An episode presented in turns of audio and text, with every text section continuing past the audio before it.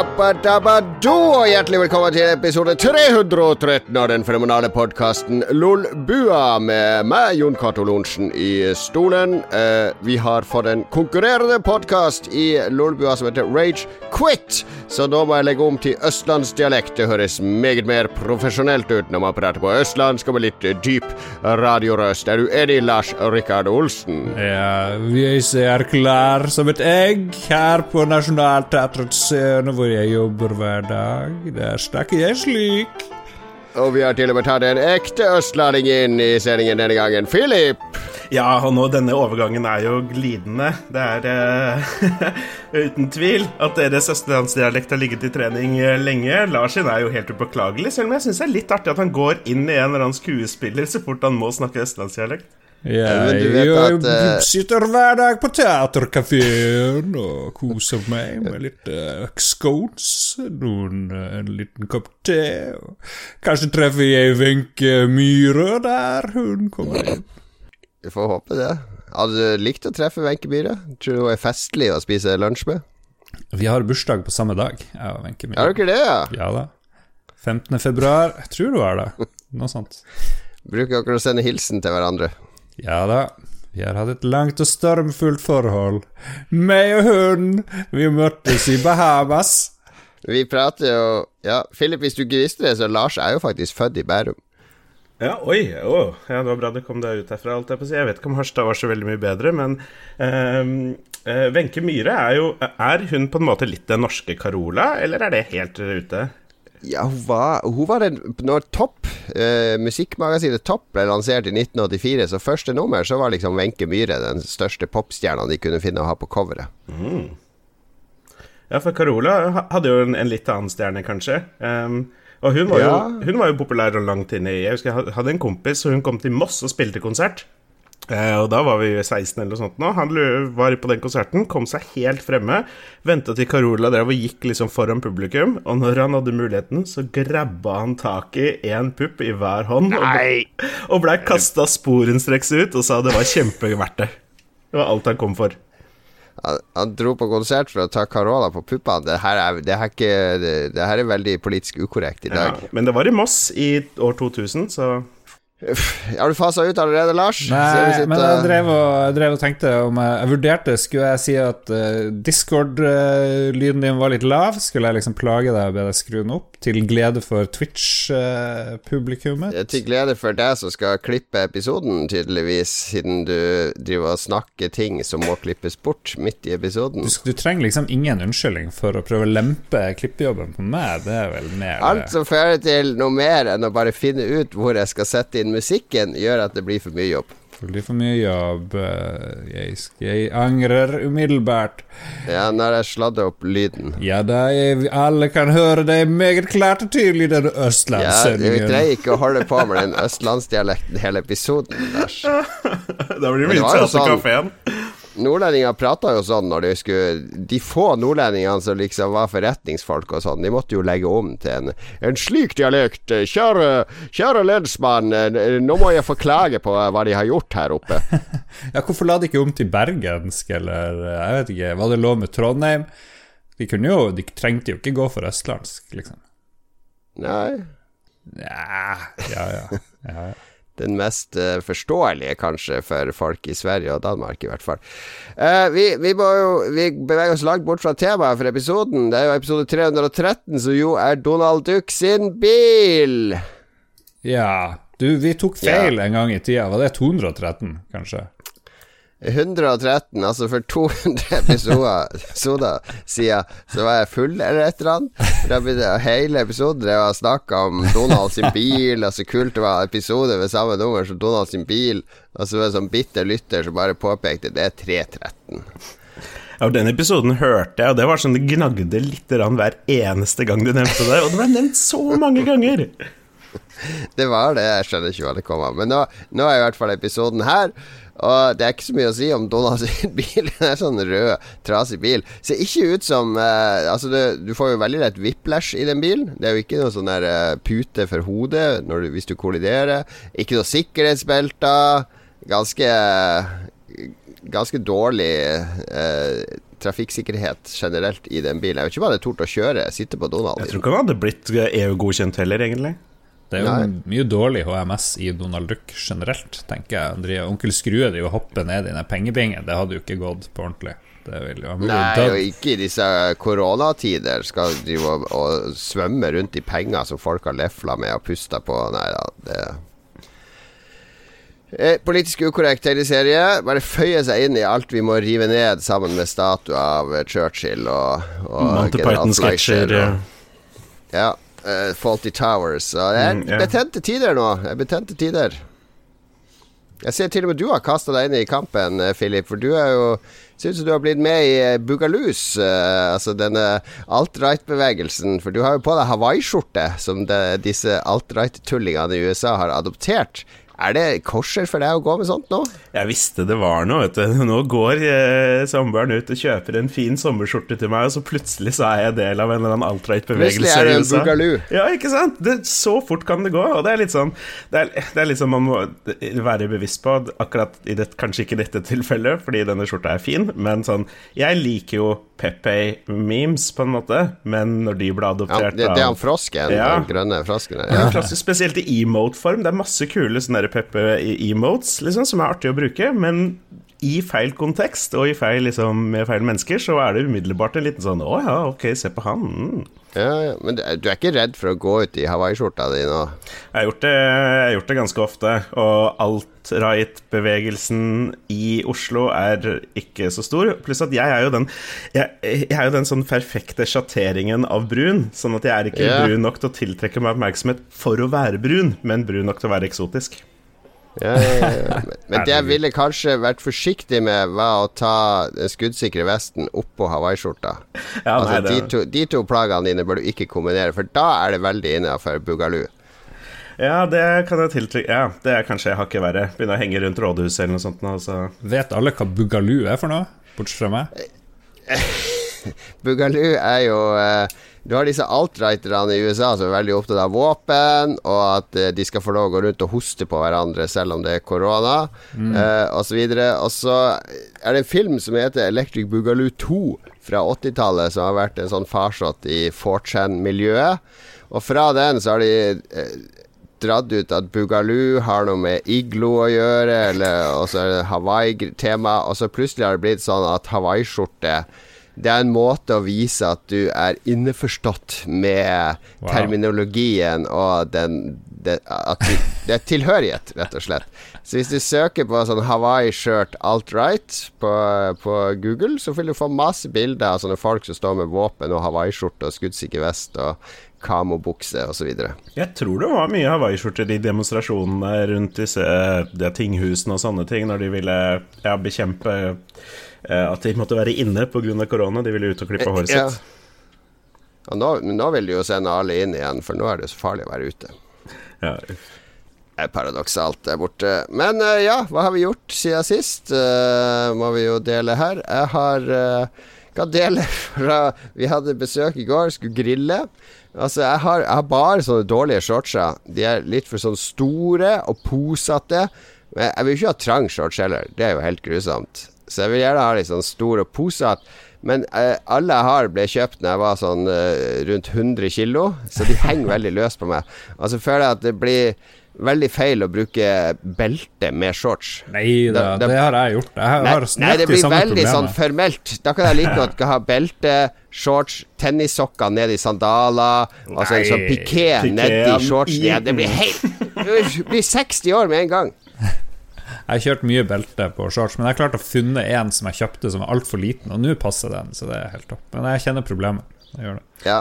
Men det beste shortsen jeg har Ja, Philip skulle Nei, altså som deg, en del shortser som jeg på en måte anskaffa på sånn rundt 100 kilo, og de passer jo kjempefint fortsatt. Um, men, det, men, det er, uh, men, det, er, en liten kunst det å finne den riktige shortsen. Uh, jeg fikk sammen med denne skjorta en ny shorts som virka altfor kort, litt for trang, men egentlig går seg til veldig fint sånn etter hvert. Men um, ja, badeshortser er jo egentlig veldig ålreite, men man kan jo ikke gå i de, og så videre. Nei, nettopp. Så, så, den beste shortsen jeg har, det er den jeg har på her nå. Det er den her. Det er sånn Det er ikke en shorts. Oi, det var mye Hello Kitty til en mann på din alder. Den er klipt sunn for å liksom få plass Ja, den, til det er en gammel kosebukse. En veldig god kosebukse så det ble hull i på kneet. Altså, det men den er jo altfor god til å kaste, så da klippa jeg den opp ved lårene. Så det er den beste shortsen jeg har. Sitter løst i livet, men ikke så løst at den siger ned og sånn. Ikke så stram. Jeg er kosebukseshorts. Jeg hadde jo på meg den i går når vi hadde uh, vår venn uh, uh, rakettforskeren og hans kone og barn på besøk, og, og hans bror. Uh, fast folk på hytteturen vår.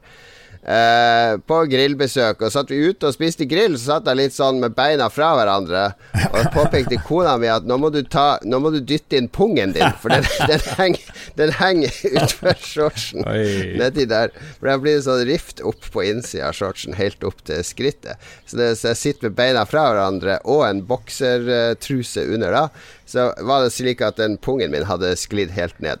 Men heldigvis så, så ikke kona til min kompis det. da Hun satt med, til en annen vinkel. Hun så det jo sikkert, men hun sier jo ikke fra Nei, nei, det var hun som sa ifra til kona di at du, nå må du si ifra til Jon Cato at Ja. uh, Men det er første gang jeg har uh, at pungen min har sklidd ut. Det er også sånne ting som skjer når du er eldre. At du går i dine favorittklær med litt sånn hull. Jeg husker vi hadde en, en foreleser i X-Fill på friundervisninga i Harstad.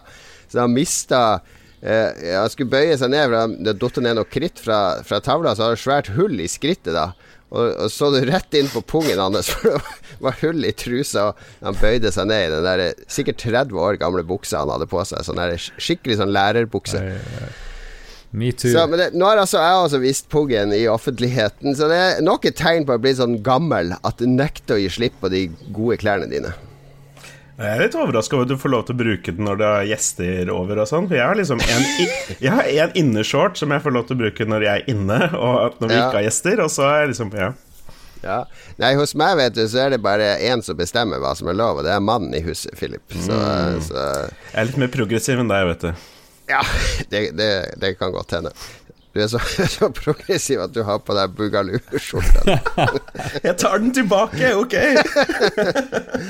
Ok, ok, men det var, det var det jeg hadde å dele. Jeg hadde et uh, testikkeluhell i shortsen min, så nå, nå har jeg skjønt at jeg ikke kan bruke den i, på selskap lenger, så det skal, det skal bare brukes privat.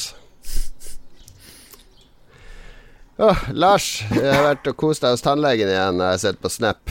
Ja, det har vært mye tannlege i det siste. Jeg var for noen uker siden bare på sjekk, sånn regulær sjekk, og så sa hun at Hva hun er det som skjer med tennene dine? Er det fordi du har slutta å spise godteri at tennene dine har fått sånn abstinens?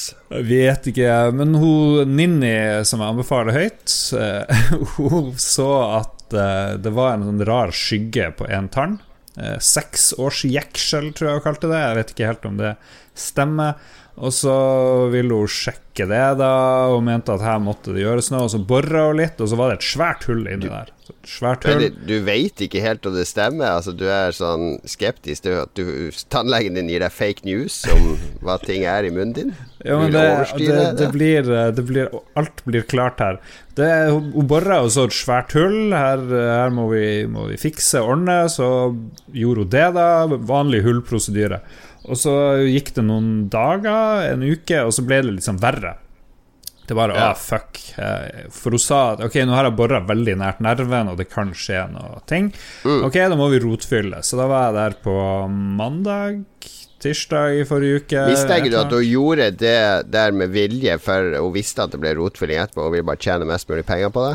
Nei, men Hun er mora til en eh, kompis, jeg tror Og det er veldig god tone, og hun kjenner mamma og alt mulig, så jeg tror jeg, der er vi innafor. Så jeg, jeg tror ikke hun Ja. har noe Jeg tror ikke hun har noen onde hensikter.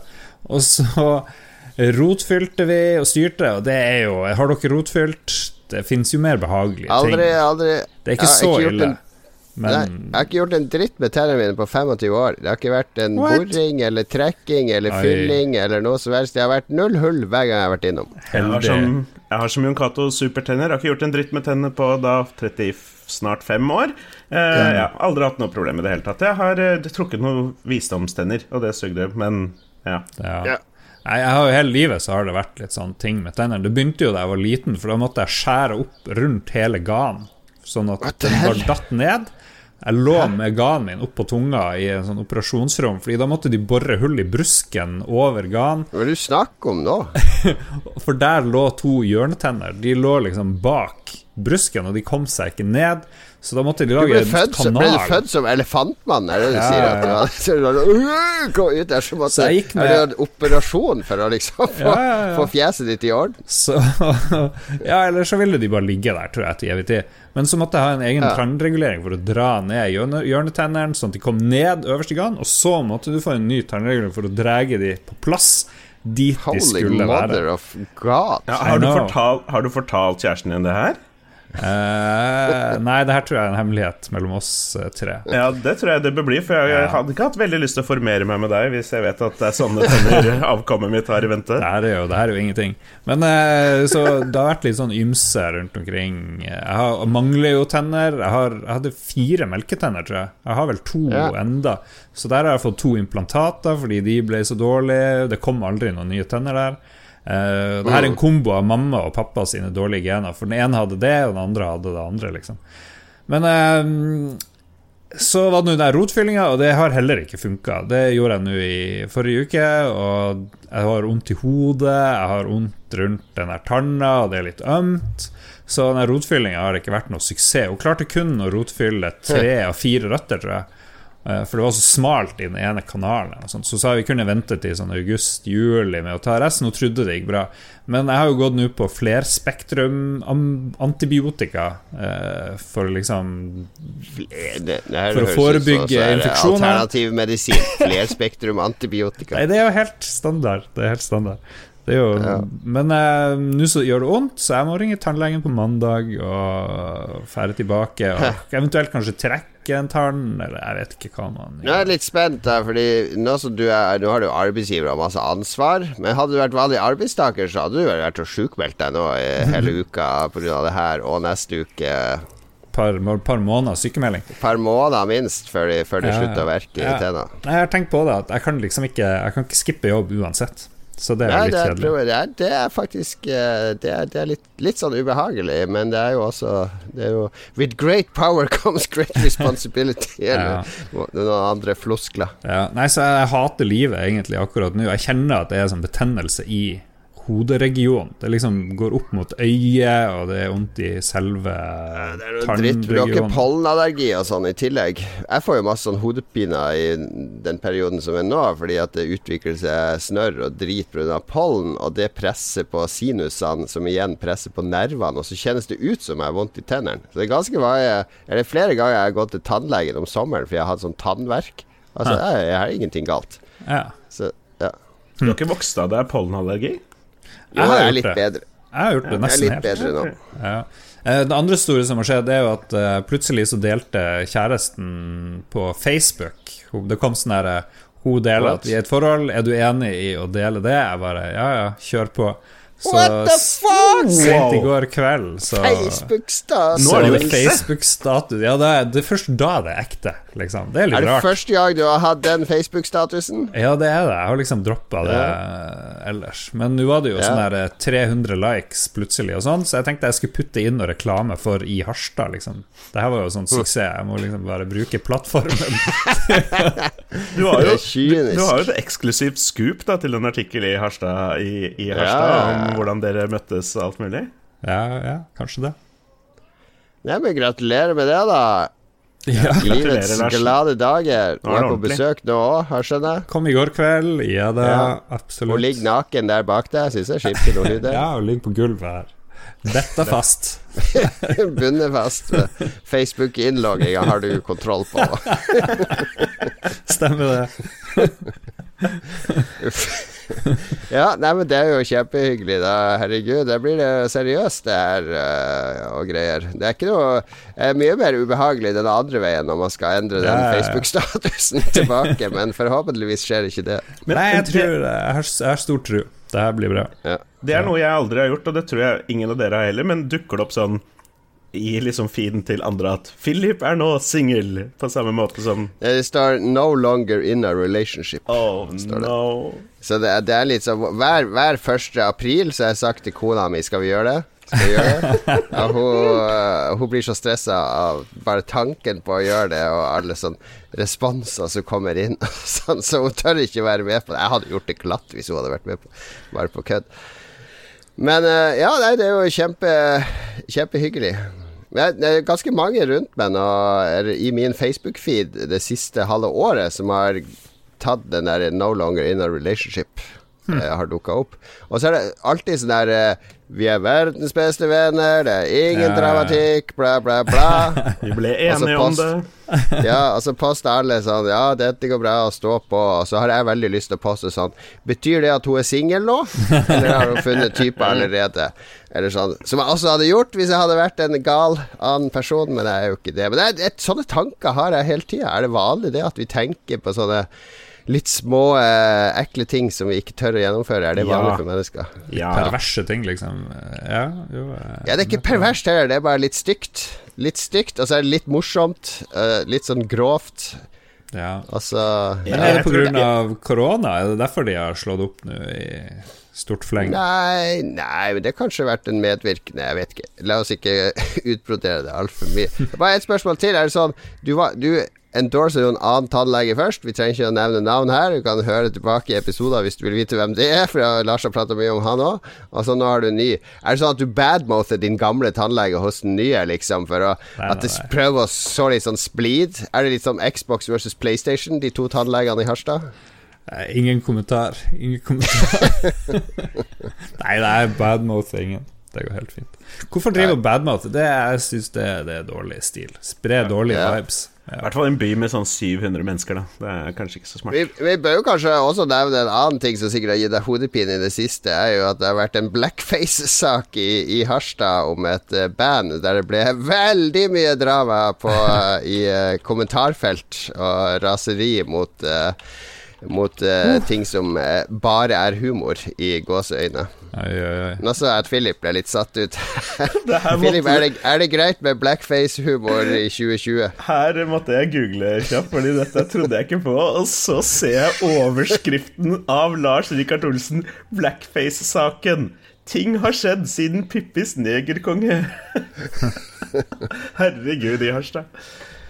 Ja, nei, det er jo ikke alle som har fått med seg Akkurat som gamle folk går rundt og sier N-ordet og tror det er helt fint, så har de ikke fått med seg at det ikke er ok. Så er det noen som husker Hva heter han der Stoltenberg? Han driver jo og malte seg, ikke sant? For, Stoltenberg? Ja, ikke han, Robert Jens. Stoltenberg. Han gjorde ja. en sånn pakistansk eh, type ja, figur. Hvor han, var den jo mørkere. Men det er jo litt annerledes med liksom blackface-greia, fordi liksom blackface som konsept ble liksom brukt spesifikt liksom som en underholdningsform hvor du liksom gjorde narr av hvor utrolig teit du ble mm. når du tok på deg det, bla, bla, bla. Så det er litt sånn ja. ja. Nei, så det var, det var, noen som lagde en sånn sketsj, og så ble det mye bråk. Jævlig mye stress. Eh, og så har de nå beklaga, og alt er greit. Men det tok lang tid før, før liksom det løsna, og de skjønte at det her var kanskje ikke 100 ok. Og ja. mye, mye, mye kommentarer i, i debattfelt og sånn, og det, uff, det var utrolig slitsomt. Ja, ikke, ikke, for å gå liksom for mye inn på dette, men det er liksom dette, dette, sånn som dette syns jeg er litt spennende. Da, og det er liksom, Litt av ideen her er at de som lagde denne sketsjen, er jo sikkert ikke rasister. De misliker sikkert ikke mørke mennesker. De har ingen dårlige intensjoner med å lage denne sketsjen og bruke liksom blackface, men ved å gjøre det, så liksom legitimerer de på en måte det som en underholdningsform, og yeah. naturliggjør det for flere mennesker. Og det er det som på en måte er det, er det dumme, det. Ja, og så, og så, blir det sånn der uh, by mot stranden, og ja, skal nå disse søringene fortelle oss hva vi skal og ikke skal le av her oppe, og det er jo bare godt meint og bla, bla, bla. Så det er, er vepsebol, rett og slett, som ble åpna der oppe i, i Harstad denne uka. Men masse engasjement. Det er jo bra, det, da. Bra med debatt. Ja da, og i Harstad blir jo lagt merke til og sånt, så jeg syns jo det er gøy å være aktuell. Det er det. Mm. Ok, Philip. Du har begynt i ny jobb, er det så å forstå? Ja. Um, jeg har drevet med litt, sånn, litt forskjellig og sånne ting. Eller begynt i jobb? Hadde du For du har vel vært litt arbeidssøkende etter ja. studier og sånn? Ja, så har jeg gjort litt forskjellig, for jeg har vært liksom litt usikker på på en måte nøyaktig hvor jeg har lyst til å ta kompetansen min. Uh, og så har jeg på en mm. måte etter hvert funnet en veldig fin mulighet med noe som jeg er veldig interessert i. Eh, så ja, i august så begynner jeg i Athea eh, som sikkerhetskonsulent. Eh, oi, oi, oi. Fordi dette med IT ja, for liksom IT-konsulent er liksom det jeg er utdanna til, men det å liksom jobbe med sikkerhet er på en måte det er, det er, ganske kult, da. Det er spennende. Der er det på en måte mm. alltid noe å ta tak i. Alltid masse utvikling. Um, ja, man må liksom være på sånne ting. Det er, ja, det er veldig spennende. Så det gleder jeg meg for så vidt til, til, å begynne å jobbe med litt mer spesifikt. Kjenner du mange fra Du var jo veldig aktiv i det gamle Spillegal-forumet. Du kjenner vel en del der som er litt sånn der hobbyhackere, altså du kan uh, sende en melding til Ta og test sikkerheten til de her, og så ser du Å, herregud, vi har blitt hacka, så kommer du inn. Ingen fare, Athea kan ordne opp. Det var bra vi hadde et møte forrige uke. Dette fikser vi. Jeg har, eh, jeg har eh, lasta ned Tor eh, for å surfe dark web igjen, sånn at jeg kan begynne å legge ut sånne følere. Men, men altså, er det på dark web? Jeg har aldri vært der. Er det, er det dark mode automatisk i browseren, eller må du velge det? Skuffende nok ikke. Er det ikke det? Nei, i hvert fall ikke den Thor. men det, ja, nå har jeg bare lekt så vidt med Thor, bare for å se hva det var. Om jeg umiddelbart ble tilbudt liksom mordere og prostituerte så fort jeg logga inn. ja, jeg, jeg, lekte ikke så veldig mye mer der. Kanskje vi skal bruke noen av Patrion-payene til å prøve å leie en leiemorder på Darknet? Hvem er det vi skal ta livet av, da? Dette er jo Dette, dette er, jo, dette er en Roffelbua-episode hvor vi liksom Vi leier noen til å ta Mats, og så får Mats liksom Han får jo liksom vite om det, så han kan ja. forberede seg og legge ut ja. feller og sånne ja, ting. Ja, Mats er helt sikkert med på det her, da. Mats prepper fartet sitt ute på Trondenes, og så kommer leiemorderen, og det er jo genialt. Det her er en veldig dårlig idé. Ingen må leie leiemordere eh, som hører på det her. Å, hør politiske korrekte redaktører der ah. som eh, skal komme og korrigere oss. Men hvordan våpen får du, Philip? Er det 9 millimeter? Hva du skal gå med som sikkerhetsansvarlig der borte? Uh, ja, nei, det er batong. Ja, ja, ja. Batong i første grad, så får vi se når jeg blir seniorkonsulent om jeg får utdelt noe litt mer heavy. Uh, men ja, nei, det blir, det blir artig, det. Så nå driver jeg egentlig prøver å velge hvor stor telefon skal jeg be om? Fordi jeg har selvfølgelig lyst på den dyreste som er mulig å få tak i, men den er litt for stor til at jeg tror jeg er komfortabel med den. Så ja, uff. Det er forferdelige tider for Philip nå. Mange harde ja. avgjørelser som må tas. Men Ilandsproblemet er Noe som kanskje er litt artigere, og som jeg, eh, og som jeg, eh, sensurerte, holdt jeg på å si, fra, i sendeskjemaet, er at jeg nå i sommer, Philip Maurizio Taranten Sisio Flakstad, skal ta førerkort. Skal du ta førerkort nå? Jeg skal ta ja. førerkort. Jeg, jeg, jeg tok og kjørte masse bil og tok førertime og sånn da jeg bodde i Moss, men så flytta jeg til Oslo, og da er det ikke noe vits i å ha bil. Ja. så da har jeg utsatt det i mange år, men nå har jeg lyst til det, og nå har jeg tid til å gjøre det i sommer, før jeg starter da hos Athea. Så da ja, har jeg satt i gang med det nå, og det hm. er det sikkert lenge siden dere gjorde, men det er en ganske artig opplevelse. Ja, ja, ja. Jeg har en 18-åring. Eh, han blir 19 nå. Når denne episoden er ute, så er han 19. Og han driver og uh, hatt masse kjøretimer, skal kjøre opp nå i sommer. Skulle egentlig vært kjørt opp nå, men pga. korona så ble det så mye krøll. Ja. Bare for å gå litt videre, så snakka jo dere om elsykkel og sånn i forrige episode, hørte jeg. Yes, sir. Uh, og det er for så vidt litt spennende nok i seg selv, men jeg har valgt å gå en litt annen vei, for jeg, had, jeg har um, eh, sett for meg at jeg skulle kjøpe en premie til meg selv nå i sommer, eh, hvis alt gikk som det gikk, og det gjorde det. Og da driver jeg og ser på en sånn elsparkesykkel. Hmm. Ja, sånn du bare står oppå ja, så, uh, og ser, ser, dum ut? Ja, så ser dum og lat ut? Bare står oppå og stirrer tomt rett frem? Yes, jeg tenkte dette var en brannfakkel. Akkurat som Voi og Tier og sånn, bare at jeg da kjøper min egen, som jeg kan da farte rundt med. Ja, kan ikke du like godt kjøpe deg et sånt brett du står på? Eh, sånn der med armene rett ut, og så bare lener du deg framover. Sånn Segway uten, uh, uten, stang, sånn som alle ungene kjører på. Det ser jo like dumt ut. Det ser ikke like dumt ut. Det ser enda dummere ut. Og på en måte min innebygde naturlige sjarm kan bare veie opp for så mye dumhet. Men dumheten ja. til en elsparkesykkel, det, det klarer han helt fint. Men en sånn Segway, det tror jeg hadde blitt litt for mye. Det blir litt jantelov og skal, skal disse elsparkesykkel. Det er nå helt innafor. Jeg er jo snarere 50 år, du kommer ikke til å se meg på de elsparkesyklene. De prøvde jeg tre ganger når de kom i Oslo i fjor sommer, og så bare Jeg ser ut som en gammel mann som krampaktig prøver å se ung ut. Når jeg kjører du ser ut som en gammel mann, Jon Cato.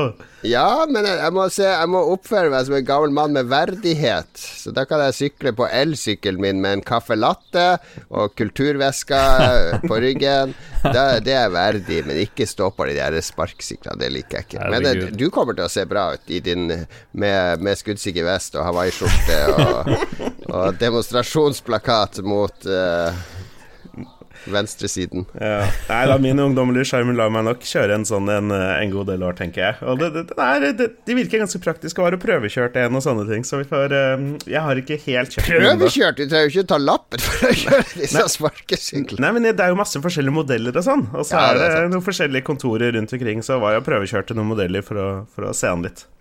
Ja. Artig greie.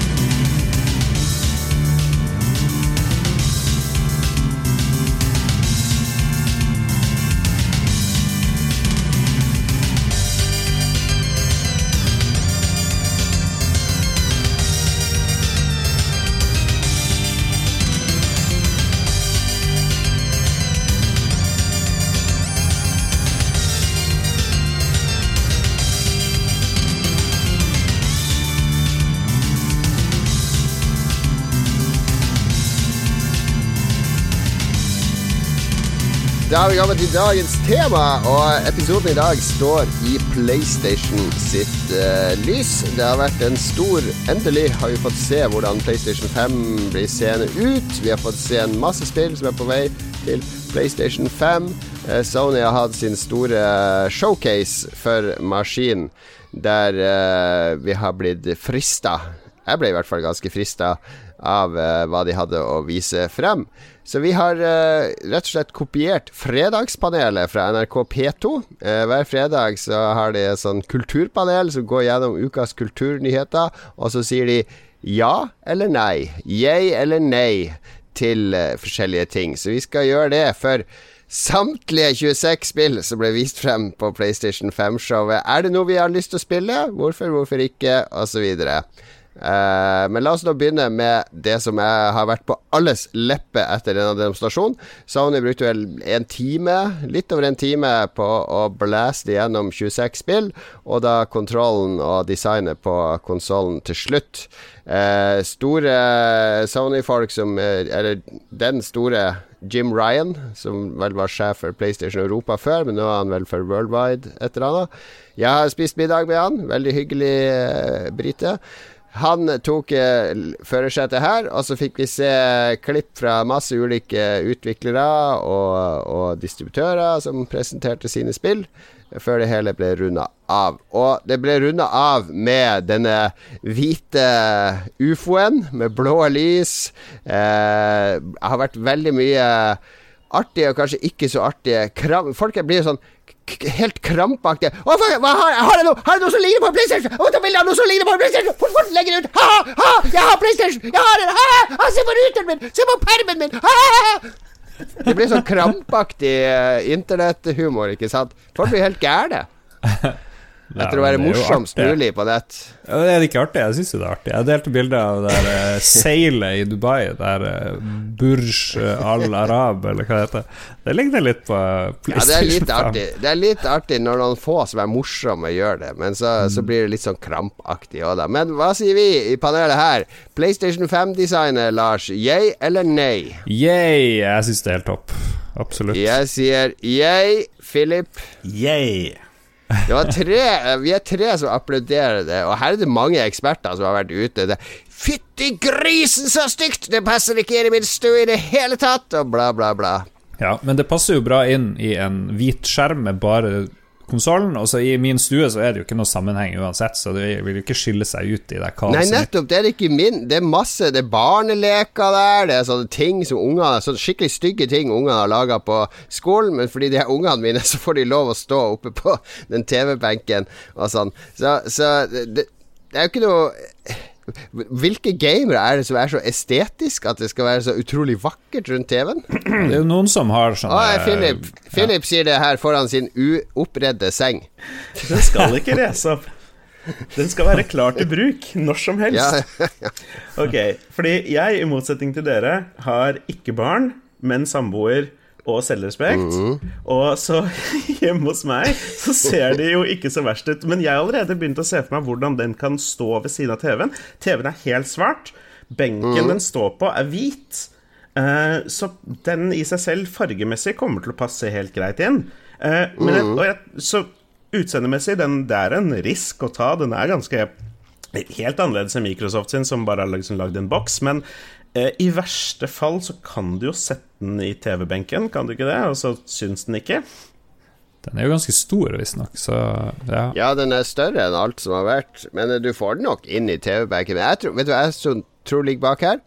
Det her er sånne gamere som er egentlig er litt flau over å spille spill. Så de vil ha noe som er mest mulig anonymt. Så når de har besøk, så er det ikke sånn at folk kommer inn og bare Wow, hva er det der hvite tinget der? Uh, det er PlayStation. De vil ha noe som ser ut som en forsterker, eller noe som er en del av stereo-racket ditt, så at de slipper å bli gjort oppmerksomme på fra folk som er på besøk, av at de gamer. Det tror jeg. Det er usikkerhet som ligger bak her.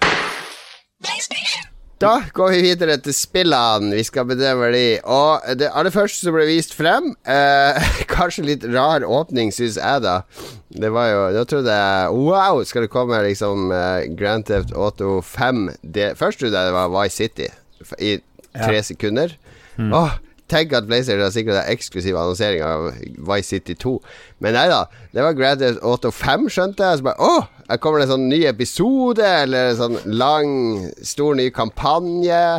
Nei da, det er Grand Theft Auto 5 enhanced til eh, PlayStation 5. Rockstar kommer med en oppgradert versjon av det 2000 år gamle spillet eh, til den nye konsollen, som visstnok skal bli gratis. Online-delen skal bli gratis for alle som kjøper PlayStation 5. Og har du spillet fra før av på PlayStation 4, så får du én million GTA-dollar i måneden frem til spillet kommer, så du kan starte spillet med en stor bankkonto. GTA5 enhanced, yay or nay? Uh, Philip? Nei. Lars? Nei. Jon Cato? Nei. Det var ikke eh, Altså, det er jo på PC allerede, så jeg vet ikke hva de skal enhance utover det. Og det som er problemet med GTA5, er jo de uendelig lange loadetida og server connection-tiden, og du sitter jo og venter og venter og venter hele tida. Ja. ja. nei, GTA5 er kjempebra. Det er et kjempekult spill. Men ja, det, vi har spilt det mange nok ganger nå. Jeg har det på både PC og PS4, og har ikke noe behov for et nytt kapittel, liksom en ny versjon. Uh, så, ja, nei, jeg, jeg, jeg vet ikke. Jeg er enig. Online-versjonen funker dritdårlig på konsoll uansett. Jeg har ikke klart å bruke den fordi samboeren har hatt lyst til å teste det, men på PC så funker det i hvert fall til tider. Så. Ja, og uansett om de pusser det opp at det bare ser skikkelig bra ut, så jeg tror ikke jeg gidder å spille det på nytt. Altså. Spilte det to ganger cirka, så det holder lenge. Ja, jeg kommer ikke til å starte den campaignen på nytt igjen uansett, nesten. Da går vi til neste spill, og her er det Insomnia Games som slo til med noe som eh, mange klappa veldig høyt for, fordi mange er nemlig veldig glad i Spiderman-spillet som kom på PlayStation 4. Jeg tror Lars spilte det i ti minutter, mm. kanskje Philip spilte det litt mer. Jeg har ikke spilt det. Men uh, Spiderman Miles Moral ble vist fram. Uh, der uh, det denne Miles Moral-figuren fra Into the Spider-Verse, stemmer det? Altså den animasjonsfilmen. Uh, han afroamerikanske Spiderman. Afrolatino, takk. Han heter Morales. Morales, ikke Morale. Morales, ja. Beklager, Philip. Miles Morales. Mange klappa høyt. Oi, Spiderman 2, liksom. Men så ble det sånn kalddusj etter showet, for det ble klart at det her er bare en enhanced utgave av Spiderman på PS4, men der vi har lagt til noe, så at du kan nå spille som Miles Morales. Nei, vet du hva, det har vært mye frem og tilbake. Ja. Det, det, ja. det, blir en egen DLC, eller et standalone-spill, da. Du trenger ikke Spiderman, det gamle. Det er en sånn Jo, men det er eh, en, en remaster av det gamle. Det er gjenbruk av det gamle med noen nye oppdrag, Ins- så vidt jeg Insom, Insomnia Games gikk ut eh, fordi det var en fyr som uttalte seg etter den pressekonferansen og sa det som du refererer til, og så gikk Ja. de ut og tweeta sjæl. Insomnia Games og Marvel Spiderman Miles Morales is the next adventure in the Marvel Spiderman universe. We will, re more, we will re reveal more about this standalone Ja, game men det, det kan bare være en DLC på to timer, det, for alt vi vet. Ja. Det er next for, for, så, for så vidt. Men det er i hvert fall på en måte noe mer, da. Ja. Spiderman, Miles Morales, yay or nay? Jeg kan begynne. Jeg sier uh, Det her har ingenting med rasisme eller noe å gjøre. Men jeg, det appellerer ikke til meg, det Spiderman-spillet. Det der floaty combat-greia. Altså, jeg hater i sånne spill. Jeg er Dark Souls-mann, så jeg sier nei. Det begynte sånn her Jeg er ikke rasist, men det var, Det er det verste man kan si. Jeg vet det. Philip. Jeg sier yay. Ja, Lars. Nei, drit i det. Drit i det. Det så veldig kult ut, så det der, men nei. Nei, Jeg kan jo relatere meg til et spill som har en ikke-hvit person på coveret, i motsetning til dere. Så, eh, men jeg, jeg likte det Touché. Jeg likte originalspillet kjempegodt. Jeg spilte Ja. Jeg plattunet med det nesten, og driver og holder på med DLC nå. Syns det er eh, Sweet. artig. Eh, og mer av det tror jeg blir, blir bare gøy. Det ser så kjempefint ut, og ja. All right. eh, Neste spill ut er eh, Når det, dette spillet skulle presenteres, så kom det en japaner opp på skjermen, Kazunori Yamauchi, og så satt jeg og så på han, og så tenkte jeg det her er jo ikke ekte video, det er jo sånn uh, datagrafikkmann. Sånn CGI. Ta og Se det der på nytt når han Kazunori Yamauchi snakker om GTA, nei, Gran, eh, Gran Turismo. Han ser ut som han er animert. Han ser Ja. ikke ut som et ekte menneske. Det er, det er veldig uncanny. Så trodde jeg det var bare meg, men så ser jeg mange på Twitter som sa det stemmer. Det her er CGI. Og nå er det en sånn konspirasjonsteori om at han faktisk var CGI for å vise kreftene til PlayStation 5. Men de visste Gran Turismo 7. Det var noen biler som suste rundt på noen baner. Det varte så lenge. Jeg syns det så kult ut, faktisk. Jeg synes det så stilig ut. Men jeg, jeg vet jo at det forrige Gran Turismo spilte jeg i ja, to timer maks. Og så, ok det, Det sies nå at de har fokusert mer på kampanjen, fordi det forrige var veldig online-fokusert. Så at det skal være mer å bygge opp og, og jobbe mot her.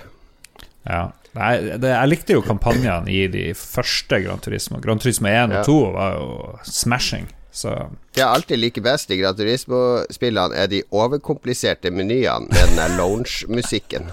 Ja, den musikken er fantastisk. Sånn jazz, smooth jazz. Ja. Ok, Gran Turismo 7, yay or nay? Lars? Jeg går for en yay, altså. Jeg må bare Jeg kjenner at jeg, jeg, Det var et av spillene jeg syns var mest interessant, selv om jeg ikke tror jeg blir å spille det. Ok, Philip? Nei. Jon Cato, nei. Jeg er lei. Jeg, er lei. jeg må ha action racing. Aldri, aldri, venn- jeg har aldri vært, vært noen fan engang. Jeg var alltid mer Jeg likte Ridge Racer Red enn Gran Turismo fra eneren av begge to. Og sånn holder det seg. Bare vent til du får førerkortet, vet du. Da, da kommer Gran Turismo og Forsa Motorsport-Philip frem. Forsa-Philip, det blir ditt nye kallenavn.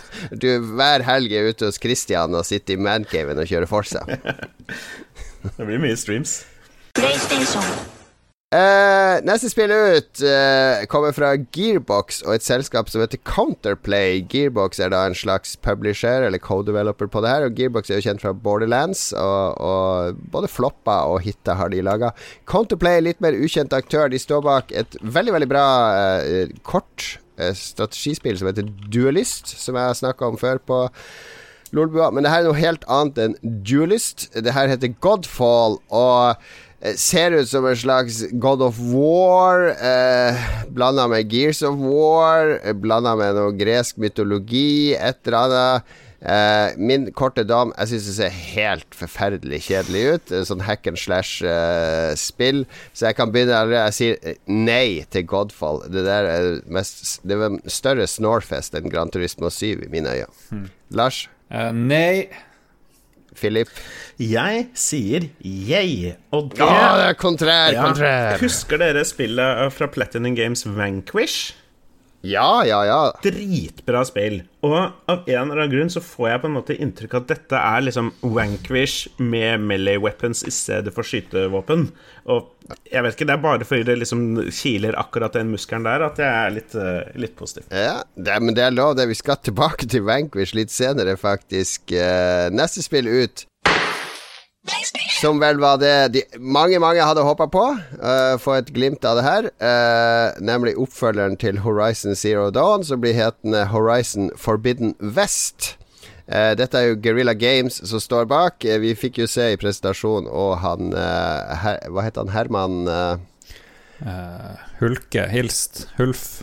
Herman Hulst, uh, som jo er uh, sjef, altså, sjefen for alle spillutviklingsstudiene i Sony. Og han kommer fra Guerrilla Games. Han har jeg også spist middag med, bare så det er sagt.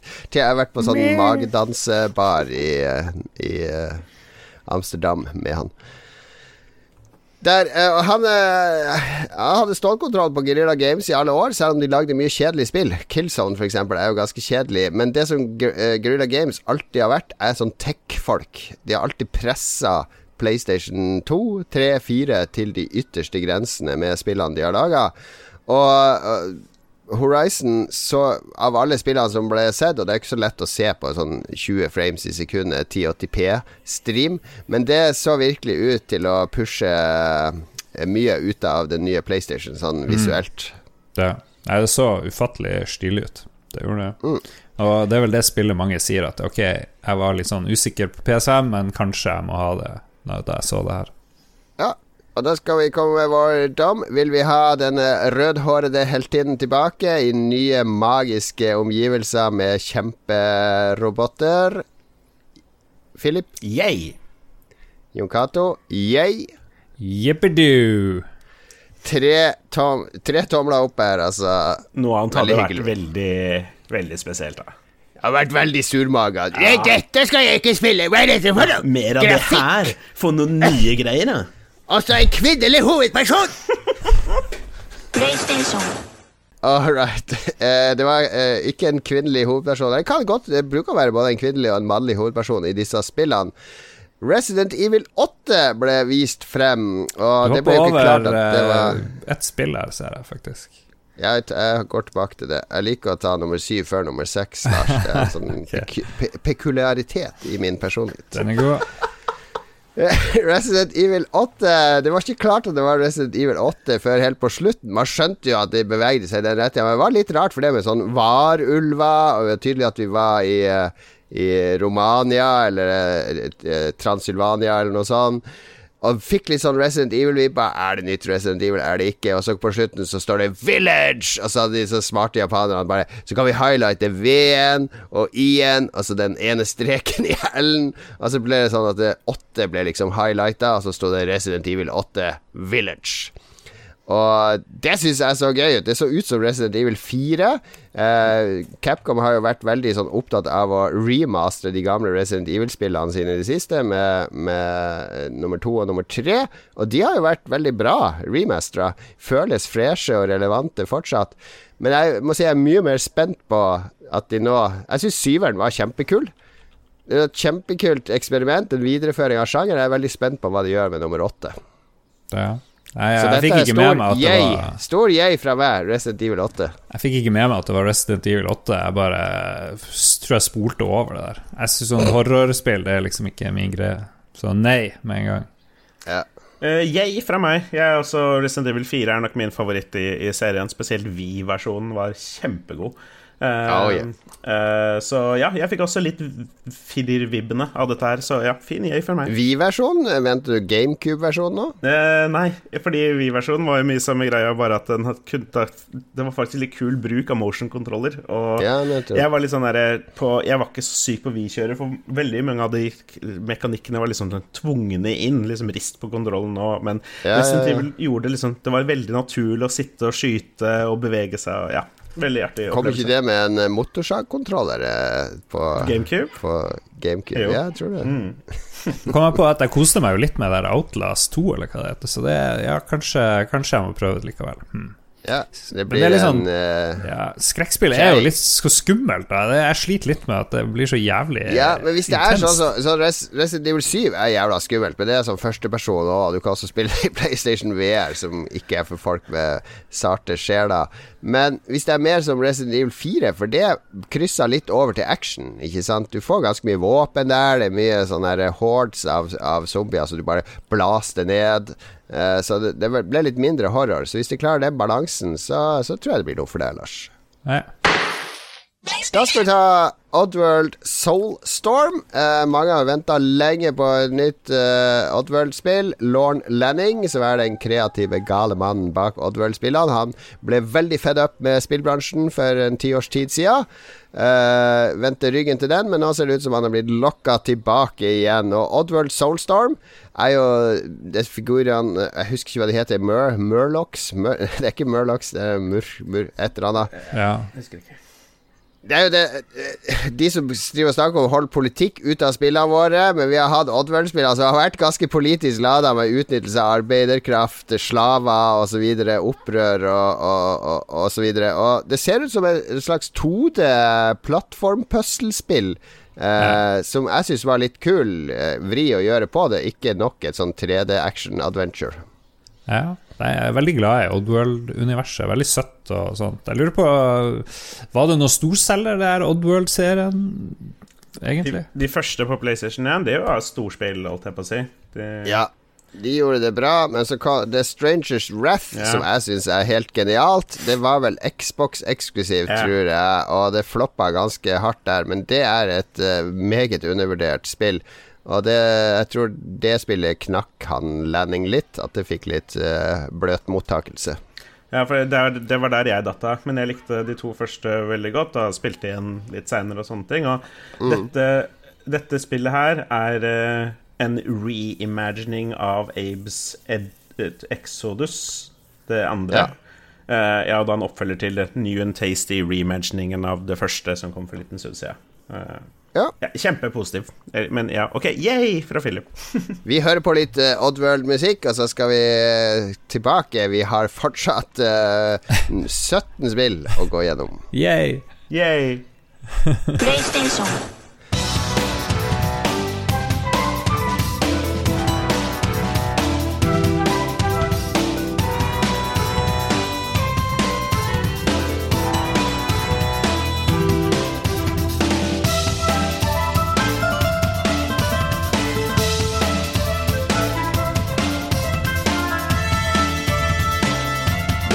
Vi er tilbake. Vi glemte å ta yay eller nei på Oddworld. Jeg sier yay.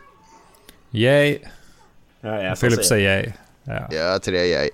Da kom vi til eh, en litt sånn overraskelse som kom her uti. Så ganske fort hva det var, fordi jeg spilte jo den japanske importversjonen av dette spillet på PlayStation 3 like etter det kom. Det begynte å gå sånn buzzwords på spillforumene jeg var på på nettet, de internasjonale, med dette spillet Demons Souls fra Japan. Kun tilgjengelig i Japan til PlayStation, men det var regionsfritt. Fikk tak i en importversjon. Herregud, for et spill. For, dette er jo liksom forløperen til Dark Souls-serien. Demons Souls. Og det var noe strid med rettigheter. Altså Grunnen til at Dark Souls heter Dark Souls, er jo at Demons Souls ble utgitt av Sony, så det er Sony som eide det navnet. Eh, så når eh, eh, Hva heter de? From Software skulle lage oppfølgeren, så var ikke Sony interessert i å gi det ut. Så de måtte gå til Namco Bandai, som ville gi det ut, men da fikk de ikke lov å bruke Demon Souls-navnet, så derfor ble det Dark Souls. Uh, det er hele historien, så vidt jeg har fått med meg. Uh, så nå kommer det altså en Demon Souls remake på PlayStation, så det er tydelig at PlayStation en eller annen i PlayStation har skjønt at de dreit seg ut når de ikke fikk disse From Software inn. De kunne jo hatt Dark Souls-serie, kunne jo vært en PlayStation-eksklusiv serie, ikke sant? Så, så, de dreit seg litt ut der. Men nå kommer det en remake av spillet som starta det hele, og det er Bluepoint uh, som da står bak her, sammen med Sony Japan. Bluepoint har jo laga remakes av nesten alle Metal Gear-spillene. Flower, Shadow of the Colossus, Uncharted, HD Collection. De er vil jeg si, den største autoriteten i spillbransjen på å lage solide uh, remakes av spill til moderne hardware. Og det er vanskelig, skal jeg si dere. Er, folk tror det er bare å oppgradere teksturer og sånn. Det er komplisert. Mange av spillene må nesten lages fra bunnen av opp. Ja. Nei, de har imponert med alt de har gjort, egentlig. Så det blir sikkert mm. bra, det her. Jeg, så, jeg plukka opp uh, Demon Souls uh, mens jeg var på GDC i USA, for der hadde de fått inn noe, og så tok de med hjem igjen, fordi det var ikke mulig å få tak i her, som nevnt. Og jeg hadde jo bare lest om hvordan dette spillet var sjukt bra, men visste jo egentlig ikke hva jeg gikk til, og fikk hodet mitt ganske godt planta ned i sanda veldig kjapt. Så jeg fullklarte aldri å fullføre det. Uh, og Eh, jeg tror nesten det er like greit at de fikk starta litt på nytt igjen med Dark Souls, fordi der fikk de liksom rydda opp i en del av disse mekanikkene som var litt for tungvinte i, i ja. Demon Souls. Eh, men sånn som du nevnte, Bluepoint, kjempegode på remakes, og, og, det at de skal nå skal ta et spill som hadde sjukt mye bra ved seg, det gjør at jeg forhåpentligvis klarer å fullføre denne gangen. Ja, og så tør jeg egentlig å håpe på at de gjør noen enhancements òg. At de fikser det så at som, de som har spilt Dark Souls 3 og Bloodborne, eh, ikke blir frustrert eller det føles som å ta et skritt tilbake. Det bør føles like relevant som de. Så jeg er veldig spent på det. Jeg sier definitivt yay til en remake av Demon Souls. Ja, jeg sier oi fordi jeg spilte jo ikke det første, så da kan jeg prøve det i ti minutter før jeg gir opp. ja. Jeg fra Philip også. Det skal jeg gi en god sjanse. Nå er vi kommet til et uh, mystisk spill her, nemlig et Square Enix-spill som er laga av en undergruppe i Square Enix som heter Luminous Games. Uh, det er et understudio som blir drevet av Takeshi Aramaki. Og Luminous Games ble satt sammen av uh, basically av folk som jobber på Final Fantasy 15. det er stort sett Hele studio består av folk som ble tatt fra Final Fantasy 15. Uh, og de Jeg vet ikke så mye mer om de, med, og Project Atia, som de da viste fram, vet jeg heller ikke så mye om. Men det, sånn, for meg så minner det om en slags blanding av Dark Souls og Horizon Zero Dawn visuelt. Det var mye sånn hopping fra plattformer, liksom flyving bortover, og uh, en gigantisk drage. Litt sånn slåssing. Japansk uh, third person action RPG plattform. Eh, kan bli alt mulig, dette. Jeg er, litt skeptisk, merker jeg, mm. faktisk. Ser litt Final Fantasy 15 ut uh, av og til, ja. uh, vil jeg si. Måten du får å bevege deg i terrenget, og grafikken og sånt. Så. Jeg merker jeg er litt skeptisk. Det er ikke fordi jeg hater japanere eller folk med orientalsk utseende. Igjen, jeg er men. ikke rasist, men nei. Herregud. Vi kan ikke si at vi ikke er rasist hver gang det handler om folk som ikke er kritthvite. Det går ikke. Det må vi slutte med. uh, nei, jeg er jo ikke rasist, så jeg sier yay. Uh, yeah. Square Enix de er jo mine boys and girls. Uh, de syns de lager mye artig til tider. Og har en forkjærlighet for å gi de, uh, gi de litt ekstra å gå på. Uh, jeg syns det lille vi har sett, er jo ikke så mye. Det, jeg syns det ser spennende nok ut. Jeg liker eventyr-adventure. Jeg ser en kul drage. Um, ja, nei, jeg syns det ser artig ut. Så jeg fra Philip. Ja, Lars? Jeg ligger midt mellom jeg og nei. Jeg føler at eh, jeg vet ikke nok. Men eh, jeg får, jeg får, siden jeg ikke er rasist, så får jeg si jeg. Vi kan, kan, nevne at eh, det, det, ble presentert som 'designed exclusively for PlayStation 5', men det kommer også til PC. Ja, og det gjennomgangstonen er jo at jeg tror av de 26 spillene som ble vist, så kommer vel 22 av de også på PC. Så det er ikke, det er ikke kun PlayStation som soler seg med disse spillene her. Neste spill ut heter Solar Ash. Eh, det er laga av en fyr som heter Alex Preston, som har et studio som heter Heart Machine. Og eh, Heart Machine Alex Preston ble megakjent for noen år siden fordi de har et spill som heter Hyper Light Drifter, som på overflata ser ut til å være sånn Zelda, Zelda Metroidvania 2D retro-flørt, men var et utrolig eh, engasjerende. Det var jo, ja, det var jo det òg. Det var jo Metroidvania og ja. Zelda, men det hadde, det hadde, en historie og feeling. Det hadde mye følelser. Eh. Ja, og det var laga av denne Preston mens han var alvorlig hjertesyk eh, i denne perioden, så mye av tematikken kommer fra eh hans følelser kom Komplekse følelser i denne tida. Eh, Solar Ash er en slags oppfølger. Jeg ser det visuelle stilen er ganske lik, men det er i 3D og ikke 2D. Eh, Annapurna, som er en genial filmpublisher og spillpublisher, som bare går for sånne kunstneriske spill, de er utgiver. Og så lærte jeg også at uh, Zoe Quinn, som jo var Skal vi si Gamergate starta med mye drama med ekskjæresten til Zoe Quinn. så hun har vært med og skrevet i dette spillet. Disaster Piece, som har laga musikken til Fez, blant annet, og den der skrekkfilmen It Follows. Står for musikken. Så et stjernelag med her, og det, det så veldig kult ut, syns jeg. Sånn 3D-skjermer med en sånn helt som løper raskt innover. og så, så veldig kult ut. Jeg elsker Hyperlight Drifter, så da er det jeg, men så liker jeg ikke at han har gått til sånn 3D og tatt bort den magisk flotte pikselgrafikken. men syns du grafikken var stygg? Nei, jeg var ikke stygg, men ja. Det, ja. det var bra. Jeg, det så fint ut. Philip? Jeg kan ikke si yay til alt. Og jeg har ikke spilt Jeg har ikke spilt det første, og derfor så må jeg velge noe å ikke være engasjert for, så jeg sier nei. Ja, ja, ja. Jeg sier yay. Jeg sier yay. Neste spill ut, Ratchet and Clank A Rift Apart. Her fikk vi en god demonstrasjon på Eller folk tror i hvert fall at det er en god demonstrasjon på uh, det nye diskdrevet i PlayStation 5. Tenk at det går så fort å loade inn ulike leveler, men ja, det så imponerende ut, fordi uh, A Rift Apart, uh, det nye Ratchet Clank-spillet, handler liksom om Ser det ut som at du kan opprette sånne dimensjonsgates, og så hoppe, teleportere deg mellom både planeter og innad i samme planeten. Nå ser det ut som Lars holder på å dø her. Nei da, jeg lever. Jeg bare ble tørr i halsen. Men, men tror du de juksa? Det er jo, det er jo at Nei, det, det loader inn jævlig fort, og så kan du Dette er jo altså fra... folk som kjenner PlayStation veldig godt og har laga mye spilt PlayStation, så jeg tror de er flinke til å utnytte hardware. Men Ratchet and Clank Herregud, for en kjip spillserie. Det er, det er plattformspill for folk som ikke forstår plattformspill. Jeg hater Ratchet Clank-spill. Det jeg hater mest, er at du går ut og slår og denger på ting, og så kommer alle de mutterne hele tida. Jeg hater sånn der samler man i, eh, flekker ting inn, liksom teite våpen, og så den dumme stemmen til roboten. Det er den minst sjarmerende duoen som finnes i spillverden. Så det er en stor nei fra meg. Du har jo ikke peiling. Det har jo solgt masse, folk elsker det. Det her er veldig bra. Jeg syns Ratchet-serien er helt topp. Stor yay. Større yay enn Jon Catos nei.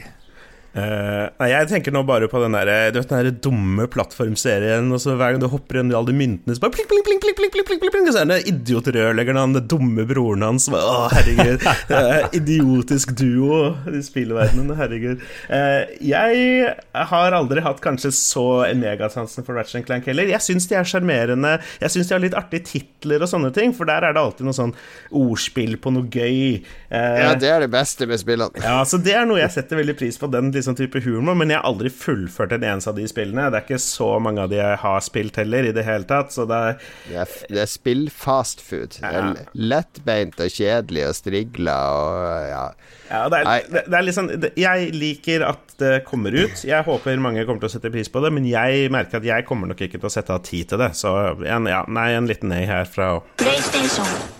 All right. Neste ut er også en Sony-favoritt, nemlig Sackboy. Uh, kjent fra Little Big Planet-spillene. Uh, og spillet jeg snakker om, er Sackboy A Big Adventure, som er laga av Sumo Digital. Sumo Digital er et britisk studio og laga tonn med spill. Veldig gode til å porte spill, og de står bl.a. bak Outrun-port på Xbox osv. osv. og så de har masse gode spillports på samvittighet. De er ikke like flinke når de lager spill på egen hånd. Uh, de hadde et sånn slangespill for, for, et par år siden på Switch som var ganske dårlig. Uh, men Sackboy, der jobber de da med Little Big uh, Planet figuren. Og de har laga Little Big Planet 3. De har gode erfaringer fra det universet. Men det her ser ikke ut som å være et Little Big Planet-spill. Det ser mer ut som Mario. 3D Mario. Mario Odyssey-aktig. Eh, masse oppfinnsomme brett ble vist frem. Eh, du løper rundt og du hopper som i alle plattformspillere. Jeg må si at selv om jeg hater Sackboy, jeg syns han er den minst sjarmerende maskot noensinne. Den derre eh, tøydukka med det dumme smilet. Det er null utstråling for meg, i hvert fall. Men uh, jeg syns spillet så gøy ut. Jeg syns det så ut som et godt designa 3D-spill, så jeg skal gi det en forsiktig jeg. Ja, Little Big Planet skulle jo bli Sony sin, sin nye store greie med Sackboy som den store maskoten. Og, ja, han, er kanskje, ja, han er nok for lame til det. Eh, jeg har vært veldig fan av de første spillene fordi jeg liker konseptet så godt. Det er liksom litt oppfinnsomt, man hopper rundt, det er co-op, eh, lokal co-op, opptil fire stykker. Det er sånn som jeg setter veldig pris på. Men igjen, jeg har jo ikke fullført noen av de spillene fordi de er ærlig talt ikke så artige i lengden, og jeg setter ikke så stor pris på den kreative biten, men mitt favoritt Mario-spill fra de siste 20 åra er jo New Super Mario Bros. Eh, hvor, mm -hmm. ja, hvor, hvor, du kan spille co-op, og det er liksom 2D, 2D slash 3D-ish. Ja, ja, ja, og den vibben får jeg av dette spillet igjen. Um, og det Mario-spillet syns jeg var helt utrolig godt. Uh, så jeg, jeg, slenger ut en yay her. Uh, og positivt. Nå skal Lars bremse litt. Nei. Neste spill ut, NBA 2K21. Nei. Nei. Nei. Neste spill ut, Destruction Allstars. Her har vi studio Lucid Games. Eh, også et nytt, ukjent studio. Eh, hvis dere husker Bizarre Creations eh, fra England, de som lagde Det var Project Gotham, racing-serien, og eh, Blur.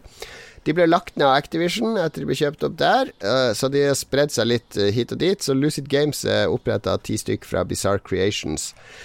Har laga masse mobilspill og et par ports, så de, de, har egentlig ikke noe stor erfaring med konsollspill. Men Destruction Allstars, det interesserte meg litt, for det ser ut som en blanding av jeg synes det er en sånn barnevennlig versjon av Twisted Metal blanda med Rocket League og litt Destruction Derby. Altså Du kjører biler rundt på sånne arenaer og skal krasje og skyte på hverandre. Og så ser det så ut som man kan gå ut av bilene og løpe til beins og bruke våpen. Eh, blir veldig interessant å se hvordan de balanserer det. Hva tenker dere?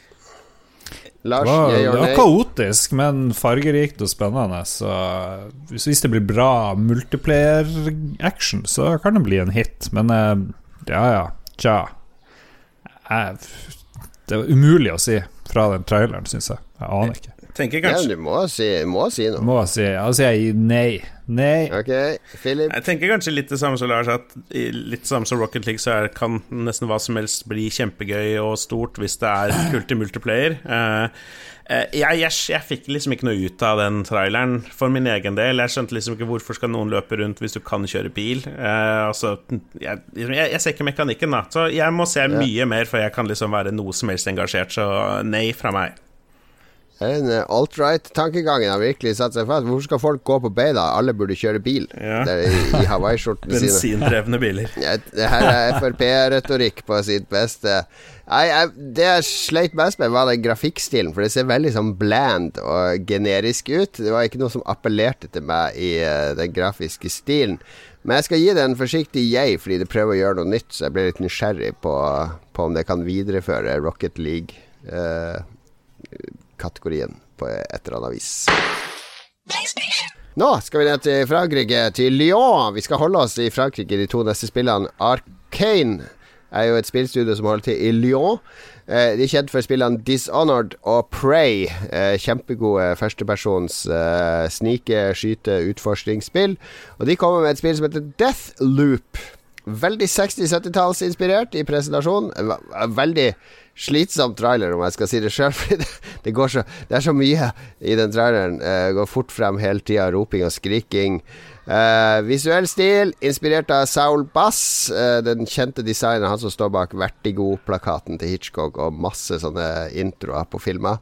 Uh, det er et spill der du er en leiemorder skal drepe åtte personer, og så er det sånn Groundhog Day-tidsloop. At hver gang du dør, så restarter du på starten av dagen. Og så kan du sikkert velge forskjellige paths, og så kan du kanskje påvirke verden eller utfall på et eller annet vis. Det er det ene av to sånne tidsloop-spill i denne presentasjonen, så det er tydeligvis blitt en greie med sånn Majoras maske, reset-tida-tematikk nå. Ja. Og, det er jo bare den ene spillmoden, holdt jeg på å si. Det kommer også en multiplayer-mode hvor man er man fortsatt Den ene spilleren spiller denne leiemorderen som skal jakte på sine targets, og så er det da selvfølgelig en anti-leiemorder, hvis det er et begrep. Eh, så det kan også være litt spennende. Spesielt hvis det er litt sånn asymmetrisk. Ja. Nei. Nei fra Lars, ja vel. Uh, Philip? Jeg fra Philip. det er jo kjempegøy. Ja, jeg gir en uh, jeg, fordi Prey er genialt. De sa da det er bra, det òg. De Og de har uh, Ja, de, de Arkane-spillene føles så De har egenart, alle spillene deres, så jeg applauderer det. Spill spill med egenart. Så kom vi til noe rart. En katt som gikk rundt i en uh, robotverden. en slags cyberpunk-verden befolka av roboter. Vi snakker om spillet Stray, laga av Blue 12 Studios. Uh, de holder til i Montpellier. Uh, og er eks-Ubisoft-ansatte som starta Blue 12 Studios. Anna Perna har signa dette spillet, der du skal rett og slett være en katt som skal utforske en cyberpunk-inspirert by befolka av humanoide roboter. Uh, utforsking, puzzle-solving. Så veldig stemningsfullt ut. Stor jeg fra meg, det her. Hmm, jeg husker ingenting av den presentasjonen her, så det blir nei. Nei, satser ikke hos meg. Bare drit. Uh, jeg syns uh, hele konseptet virker kjempekult og spennende. Uh, katten var kjempesøt. jeg er litt skeptisk til hvor lenge gameplay med en katt, hvis du ikke får noe mer mekanikker og sånn etter hvert, er spennende, men en semi-positiv semi yay fra meg. Da skal vi til et spill som definitivt skilte seg ut. Det som er en slags tegnefilm enn et spill. Det heter Goodbye Volcano High, laga av eh, selskapet Coop. Og de er kjent for uh, PlayStation VR-spillet Gnog. Det er vel ute på andre VR-plattformer òg. det var veldig morsomt. Det er et av uh, de tingene jeg har spilt mest i PlayStation VR. Det er et eventyrspill om uh, Synes å være sånn typisk ungdomstematikk som coming of age, uh, siste år på high school osv. Uh, tvisten er selvfølgelig at det er dinosaurer på to bein som det handler om, så det har en en veldig sånn cartoonish uh, stil. Ser ut til å være rent eventyrspill på et eller annet vis. Litt sånn sosialt bevisst. Han Salim Daboos, som er lead-designer på spillet, tweeta vel So proud of the team and everyone who is helping us realize our gay dino vision. som er, som er, det er kanskje det første spillet i verden med homofile dinosaurer. Hva vet jeg? Eh, Lars, du er ekspert på homofile dinosaurer. Du, er dette første tilfellet av homofile dinosaurer? Det er faktisk Det er faktisk det andre tilfellet, men det er veldig sjelden. Det er det, ja. Så det er kun to. Lillefot og vennene var første tilfelle av Jeg tror Jurassic Park, der var alle homo, faktisk. Kanskje det.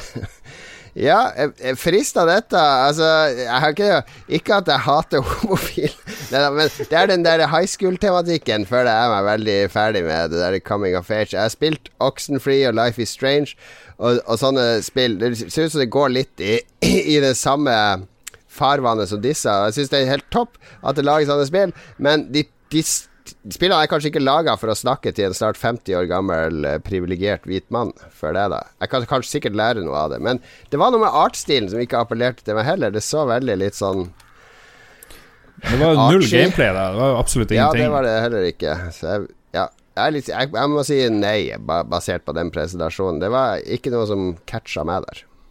Jeg, jeg hater ikke homofile, så jeg sier yay. Jeg tror det er veldig helst jeg, er litt, jeg er litt redd for at det vi så, var gameplayet. At det er et eller annet sånn bare merkelig rart nå. Jeg vet ikke. Jeg syns Nei. Nei. nei.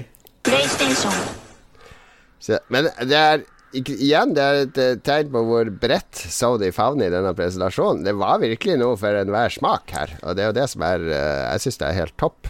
Ja, for det, uh, nest, dette ja. spillet var helt uten tvil unikt. Stakk seg jo veldig ut, i motsetning til ja, ja, det var andre. helt offbeat. Ja, til et helt uh, annet publikum og sånne ting. Og det gjør de i mye større grad enn det, enn det Microsoft gjør. Det syns jeg er kult.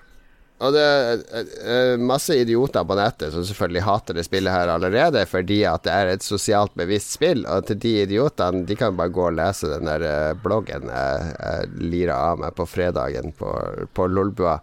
Der snakker jeg rett til dere Les og lær. Det var bra. Jeg må springe og hente meg noe vann. Gjør det. Vi spiller litt musikk.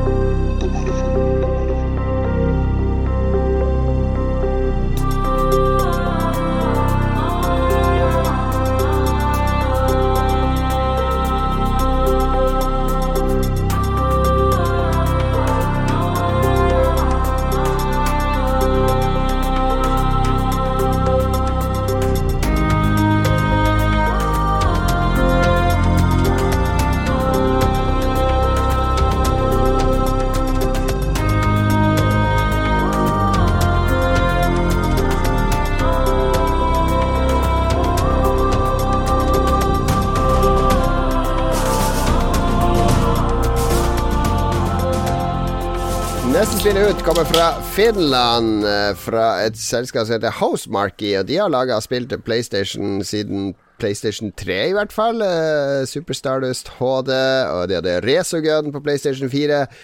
Spesialiserte seg i lang tid i sånne old school shooters. Uh, de lagde jo et spill med Eugene Jarvis, som lagde Drop Zone for ikke så lenge siden. Som det, det ble ikke den store suksessen, så de hadde en litt sånn personlighetskrise for et par år siden. Folk liker ikke disse gamle arkadeskytespillene, selv om de ser helt smashing ut og har supertight, superbra gameplay. Hva skal vi gjøre? Uh, så begynte de på et Battle Royale-spill som heter Storm Divers, som egentlig så ganske ræva ut. Det droppa de fort, og nå jobber de på et spill som heter Returnal. Uh, første som uh, Vitsemakeren i meg som hadde lyst til å gå på Twitter, var selvfølgelig Rekturnal! Men jeg holdt meg for god for det. Sikkert tusen andre som tweeta Rekturnal ganske kjapt etter det. Men det heter Returnal. Det ser du er en, en uh, kvinnelig astronaut som lander på en sånn alien-planet, eller krasjlander der. Og igjen så har vi denne loopen som var i, uh, i Arcane Lion sitt spill Deathloop. Altså, du dør, våkner opp igjen, planet, noe har skjedd, planeten forandrer seg, virker det som. Kanskje er det noe sånn eh, uh, prosedurelt generert i dette spillet som hele tida endrer seg hver gang du dør. Uh, så i hvert fall litt spennende ut, og det var noen sånne actionklipp vi fikk se òg, som så ut som det var uh, bullet hell-opplegget de vanligvis uh, holder på med. Altså masse kule og skyting og dodging, og får de kontrollen tight, som de nesten alltid gjør, så kan dette bli en meget spennende 3D-skyter, tror jeg. Så stor yay fra meg. Ja, yay herfra òg. Jeg er enig med alt du sier.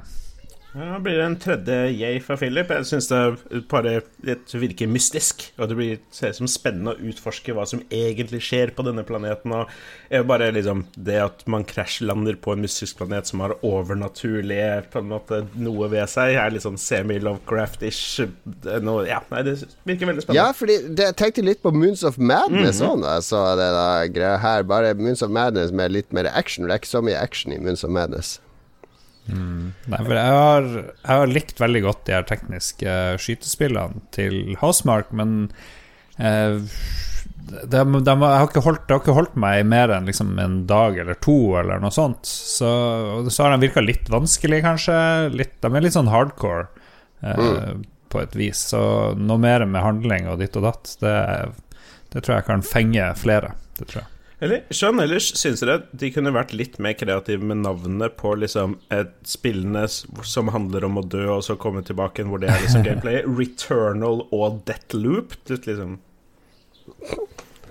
Det er veldig direkte, korte navn. Det er vanskelig å finne på sånne navn, og i hvert fall sånne navn som ikke er brukt til noe før. Eh, det, mm. det er uhyre vanskelig. Blir det mosaikk eller noe sånt? Da? Mosaikk dødsmasse problemer med det. Det var noe som het mosaikk fra før på AppStore. Eh, det er en Marvel-figur som heter mosaikk. Uh, osv. Det finnes jo 2000 Marvel-figurer, så basically kan du ikke kalle tingen din for noe som helst uten at Ja, det var en historie i 63 skrev av bla, bla, bla. Ok, neste Spill ut! En av mine favoritter fra visninga var Bugsnacks. Uh, dette er Young Horses som står bak. De lagde Octodad, et hysterisk morsomt humorspill om en blekksprutpappa. I Bugsnacks jeg, jeg, har ikke helt fått grep på spillet, men det er rare vesener på to bein som går rundt. Det er masse mat og dyr. Og så ser det ut som du kan fusjonere disse maten inn. Så er det sånn hamburgerarm og spi, Det du spiser, det får du som lemma. You are what you eat, ja, er kanskje mottoet her. Det ser kjempeartig ut. Det ser kreativt ut. Uh, vittig dialog. Uh, kjør på. Gi meg bugsnacks. Yay, yay, yay fra meg. Apropos uh, morsomme navn, så er jo Bugsnacks ganske bra navn. da Ja, det er bra. Bra påfunn. Så yay herfra òg. Mm -hmm. jeg, jeg, skjønner ikke hva meninga med spillet er. Jeg skjønner at det er en mekanikk hvor du spiser ting, og så blir du til det, men jeg skjønner ikke hvorfor jeg skal gjøre det. Jeg, liksom, er det et par spill hvor du leker med det, eller liksom Viva Pinata? Jeg vet ikke helt, det. Men en, en veldig forsiktig yay, da, fra Philip. Så er vi til Danmark. Skal vi over til IO Interactive. Eh, våre danske venner som eh, stort sett har spesialisert seg på å lage et spill om en middelaldrende hvitskalla mann som går rundt og dreper folk. Agent 47 kalles han. Han har en tatovering bak i nakken.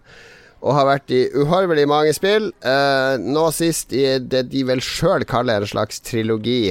Eh, en serie der spillene har blitt sluppet i små kapittel. Hvert bredt eh, kapittel, og så er det litt sånn levende kapitler med scenarioer og targets som oppdaterer seg over tid, og high score-lister osv.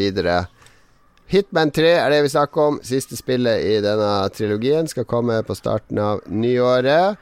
Jeg sier nei. Neste ja. spill Hvorfor sier du nei til Hitman? Nei, det, det, det, jeg vet jo at det er kjempepopulært, men jeg har aldri Jeg har prøvd de fleste, og jeg syns de er tungvint og det er omstendelig, og du skal drive og knuge og gnukke, og jeg syns ikke det er så artig, liksom. Det, men ja, det er bare meg. Ja, det er ikke bare det, for jeg er helt, din, helt, med på din side her, for en gangs skyld, Lars. Jeg, også, jeg spilte også alle de nye Hitman-spillene. Bare sånn OK, wow, det er et stort, nytt brett. Syns det er kjempespennende. Brettet ser spennende ut. Med en gang jeg begynner å spille det, så bare sånn Uff, skal jeg helt opp dit? Så mye vakter. Ah, ok, jeg kan velge å gå der eller der. Åh, noen, noen, ser meg. Stå inne i skapet her i tre minutter. Ah, jeg blir bare så lei. Jeg, blir bare så lei. jeg skjønner at folk elsker den åpenheten, og at det er jo folk på Twitch og sånn som spiller de samme brettene hundrevis av gang og gjør forskjellige ting hver gang og leker seg med AI-en og sånn. Jeg syns ikke det er gøy. Nei. Eh, jeg uh, har spilt uh, en del av de um, Splinter Cell-spillene. Splinter Cell Chaos Theory var kanskje det beste av de. ja, de liker jeg ja, mye bedre ja, enn Hitman. Og Splinter Cell Conviction Det de, de, er kjempeartig. Det er litt sånn samme type greie. Men av, jeg, mm. også, jeg klarte aldri å komme inn i Hitman, som er litt sånn merkelig med tanke på hvor mye jeg liker de Splinter Cell-spillene. Men det er noe ved krung, krongletheten som bare gjør det ikke så artig å spille. Det er ikke så god flyt. Uh, så jeg, det så jo fint ut og sånn, men det er ikke noe sånn som engasjerer meg uh, veldig sånn, nei. nei. Negativ til Hitman her, altså. Og så var det en artig overraskelse. Nå skal vi inn til Vanquish igjen, som du nevnte tidligere, Philip. Fordi Shinji Mikamo. Er det Mikami? Er det Shinji Mikami, Mikami. sto bak Resident Evil, Vanquish, God Hand. Masse kvalitetsspill. Evil Within. Veldig god spillskaper fra Japan. Uh, han har et spill på trappene nå med sitt studio Tango Dreamwork som heter Ghostwire Tokyo. Uh, og det så, ser ut som en blanding av uh, liksom Resident Evil Bare med litt mer sånn edgy karakterdesign, litt sånn far out-fiender. og Vanquish. Jeg syns det ligger noe Vanquish oppi der, for det ser ut som et action-horrorspill.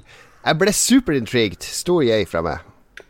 Ja, kjempe Jeg bare følger opp kjempe-jeg fra meg også. Eh, jeg er veldig glad i, veldig glad i disse tidligere spillene som jeg har nevnt her. Vanquish er dødskul. Godhand, kjempeundervurdert. Resident Evil 4 igjen er en av mine favoritter fra serien. Og eh, det ser kjempekult ut. Det er Tokyo, det er overnaturlige krefter, og du er dødsfet, og det er masse crazy ting som skjer. Jeg er kjempe-jeg fra meg. Det blir spennende. Lars? Jeg liker ikke Tokyo. Jeg liker ikke Tokyo. Jeg har jo bodd tre måneder i Tokyo. Jeg syns det er helt fantastisk. Been there, done that. Jeg har ikke spilt Vanquish. Nei, det virker som noe, virker noe som trasig skit, det her, altså. Det er stor nei. Nei, jeg vet ingenting om det her. Jeg bare tuller. Jeg vet ingenting. Jeg, jeg sier nei, da, bare for å være morsom. Nå kommer vi til noe sånn pretensiøst søppelspill. Yet The Far Shore. Eh, Super Brothers De lagde sånn avansert walking-simulator kalt Sword and Sorcery, med musikk av Jim Guthrie. Det var vel mm. opprinnelig et iPad-spill der du gikk rundt med sånn megapikselert, klumpete fyr ja. inn og ut av hule og noe greier. Ja, flott. Nå, nå har de laga et spill, og jeg vet ikke hva det handler om. Det er noe med verdensrommet. Sånn halvt minutt med å se eh, undersida av et romskip som går lenger og lenger bort fra jordkloden. Det er et sånt spill der du skal sitte og se på sånne ting. Helst ta litt rusmidler først, og så blir det sånn veldig god sinnsstemning for å absorbere Yet the Far Shore. Veldig kunstnerisk. Egentlig så liker jeg sånne spill, men da, nå skal jeg liksom straffe Lars fordi han ikke ga en yay til Ghostwire Tokyo, så nå må jeg si nei her, for jeg vet at Lars Det her likte Lars. Ja, jo, nei, jeg syns det så helt topp ut. Mye, det var mye oppe i verdensrommet og et undersida av et romskip. Men det var òg romskip som fløy av og til litt under vann, men mest sånn her ti meter over vann, med sånn rar musikk. Jeg fikk sånn Interstellar Det var kun følelser, det var ikke noe gameplay, men jeg elska den følelsen det ga. Og så liker jeg jo de her uh, Super Brothers-folkene, så jeg tipper at jeg blir å like det her. Aner ikke, men jeg sier stor yay. All right, Philip. Jeg, jeg må jo stå på prinsippene, og på bakgrunn av Ghostwire Tokyo Nayen, så blir det jo nei fra meg her òg. Uh, uh, uten tvil. Uh, men i tillegg, da, jeg vet ikke Det, det virker jo sjukt pretensiøst, og jeg igjen, jeg liker de Flower, de Journey, de greiene der, men dette er Jeg vet ikke, jeg skjønner ikke greia. Vi skal til Ember Lab. Uh, og Ember Lab var helt ukjent blad for meg. Uh, jeg måtte søke opp hvem de var. Jo, de er egentlig sånn uh, 3D-artister og lager animasjonsfilmer for Coca-Cola, blant annet. Og nå lager de spill. Og spillet heter Kena Bridge of the Spirits utrolig tradisjonell traust tittel. Eh, ser ut som et slags Zelda-spill, blanda litt med Pikmin, fordi du har sånne små svarte monster som det ser ut Eller vesener som det ser ut som du kan styre, eller i hvert fall kommandere til å gjøre ting og hjelpe deg. Akkurat det syns jeg var litt intriguing, men så syns jeg jeg vet ikke, det, det solgte meg ikke helt, det spillet. Det ser veldig sånn eh, Det ser veldig pent ut, men bare sånn eh, pent for å være pent. Altså det, det, mm. Jeg savner noe sånn egenart. Det ser ut som sånn 3D-studiofilm.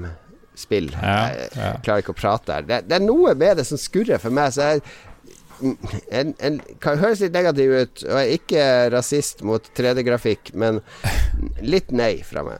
Ja, det var noen som sa i en podkast at de som er der Ember Lab har noe med Studio Ghibli å gjøre, men det, det tror jeg er bare tull. Det er bare noen som har sammenligna stilen med liksom, ja. Studio Ghibli, litt skog og ånder og sånn der. Men jeg syns det så veldig bra ut. Men jeg tenker at et animasjonsstudio som omtrent ikke har lagd spill før, det høres jo ikke ut som det kan bli så veldig bra, men jeg syns det så veldig fint ut, det de, ja, det de ga. Kan lov å være optimist. Ja. Nå var jeg litt, litt vel pessimist. Ja. Men det, jeg, går, jeg, går, for yay, da. Gjør jeg bare. Jeg skal spise hatten min hvis det blir bedre enn Nack. Oi, oi, oi. Det er en ganske lav terskel å sette, så nå er det bare til å finne fram favoritthatten, tenker jeg. Jeg går bare med sjokoladehatt. Smart. uh, jeg er mer positiv. Jeg får litt Pixar-vibber, jeg, av liksom ja, hele greia. Nettopp, ja. Uh, og det er jo noe positivt. Og, og, de har jo også en veldig god tendens til å lage ting som ser veldig fint ut, som også er funksjonelt. Uh, mm. Og hvis disse har, har, klart å gjøre litt den samme greia i en spillform, så, så lover det veldig bra. Um, eh, jeg tenkte også litt Beyond Good and Evil. Um, det, det, ja, litt, kanskje ikke helt far off. Og det tror jeg gjør at jeg er litt ekstra positiv i forhold, forhold til hva jeg ser for meg gameplay kommer til å være, om det kommer til å være spennende nok over tid. For det er også der jeg er mest skeptisk i dette spillet. Men Beyond Good and Evil klarte det, og siden jeg får litt den vibben, så, så, er jeg litt positiv. Så det blir en liten, liten jeg fra meg også. Da, Vi nærmer oss slutten nå, da. Slapp av. Uh, Little Devil Inside Neostream Interactive. Dette syns jeg så fenomenalt flott ut. Altså Det er veldig sånn stilistisk 3D-grafikk. Veldig cartoonish. Veldig unik sånn blocky stil. Eh, og så får du se det som jeg ble litt sånn satt ut av, altså, får se så mye forskjellig. Altså, det er en fyr som går i en sump med en fakkel, en som blir jaga av fiender, løper bortover. Det er en som går og bærer en annen dude på ryggen med et sverd oppover et fjell alt ser så vakkert ut uh, i det spillet her, så jeg, jeg ble sånn Jeg, jeg er solgt bare pga. det visuelle i det spillet her. Ja, så er det jo Det er ikke et nytt spill per se, fordi det var på Kickstarter i 2016. Uh, fikk funding via Kickstarter, og så har det tydeligvis Eh, det er bare 10-12 folk som lager det, så vidt jeg vet. Neostream Interactive heter de. Nok et uskrevet blad i spillbransjen. Men uh, hvis de er nye og ferske, så har de nok overscopa ganske bra. Jeg kan tenke meg at de er dritlei av hele prosjektet per nå, men nå har de litt momentum i seilene. har PlayStation endorsa de, kanskje får de litt rettledning. De klarer å lande dette til slutt. Det er umulig å si hvordan spillet kommer til å bli, men hvis det spiller like bra som det ser ut, så kommer det her til å bli magisk. Så jeg, jeg må si jeg. Jeg driver og ser uh, traileren, og jeg tenker ja, ja, det ser bra ut, men jeg tipper det er litt sånn veldig simpelt. Du har ett spor å gå etter, masse ulike scener, og så er det Ja. det er kanskje litt kjedelig. Vi trenger ikke å være sånn kontrær hver gang nå. Det, kan være enig i Jo. Cato sier det, da må jeg si det. Og Lars sier det, da må jeg si det. Ja. Men du, du skulle ikke skrevet i sendeskjema hva vi skulle synes på forhånd, Jon Cato. Ja, nei, ja, det er sant. Um, jeg, jeg er positiv. Jeg syns også det, det ser veldig artig ut. Eh, eh, jeg er kanskje ikke så solgt på den kunstneriske stilen som det Jon Cato er, men det har en ganske artig, artig grafisk eh, greie til seg. Um, det virker en fin atmosfære, og jeg syns det er artig hvor mange forskjellige verdener eller miljøer man besøker på en måte i løpet av traileren, da, hvor de er i masse forskjellige steder, og, som gjør at jeg tenker at dette spillet er noe mer enn bare en sånn indie-tittel-type ting, eh, hvor de bare ja, setter sammen noe som var en seks timer eller noe. Dette ser ganske kult ut og spennende. Jeg er jo nysgjerrig på denne verdenen eh, som de er i, og hva, hva som er poenget. Men eh, ja, jeg, jeg er positiv. Og en nei fra Lars. Ja. Vi hopper over Astros Playroom, for det er en gratis tech-demo som skal følge med PlayStation 5. Så det trenger vi ikke å bedømme her nå. Men det aller, aller siste spillet som vi tar med, er jo da Pragmata. eh, Et Capcom-spill. Og her trodde jeg vi fikk se noe nytt fra Hidio Kojima først. I hvert fall er det noen som er veldig inspirert av Hidio Kojima. For her er det en Ja, ja. astronaut som går rundt på Times Square i, Ja. i, i New York. Astronauten ligner veldig på maskoten til uh, Kojima Productions. Ja, ja. Og, og så møter han en liten jente, og så skjer det noe sånn øh, overnaturlig, eller et eller annet tech-fiende som dukker opp, og så flyr de opp i verdensrommet, og så lander de på månen, astronauten og hun jenta, og så heter spillet Pragmata, og Capcom vil ikke si noe som helst om det. Vi skal være så hemmelighetsfulle.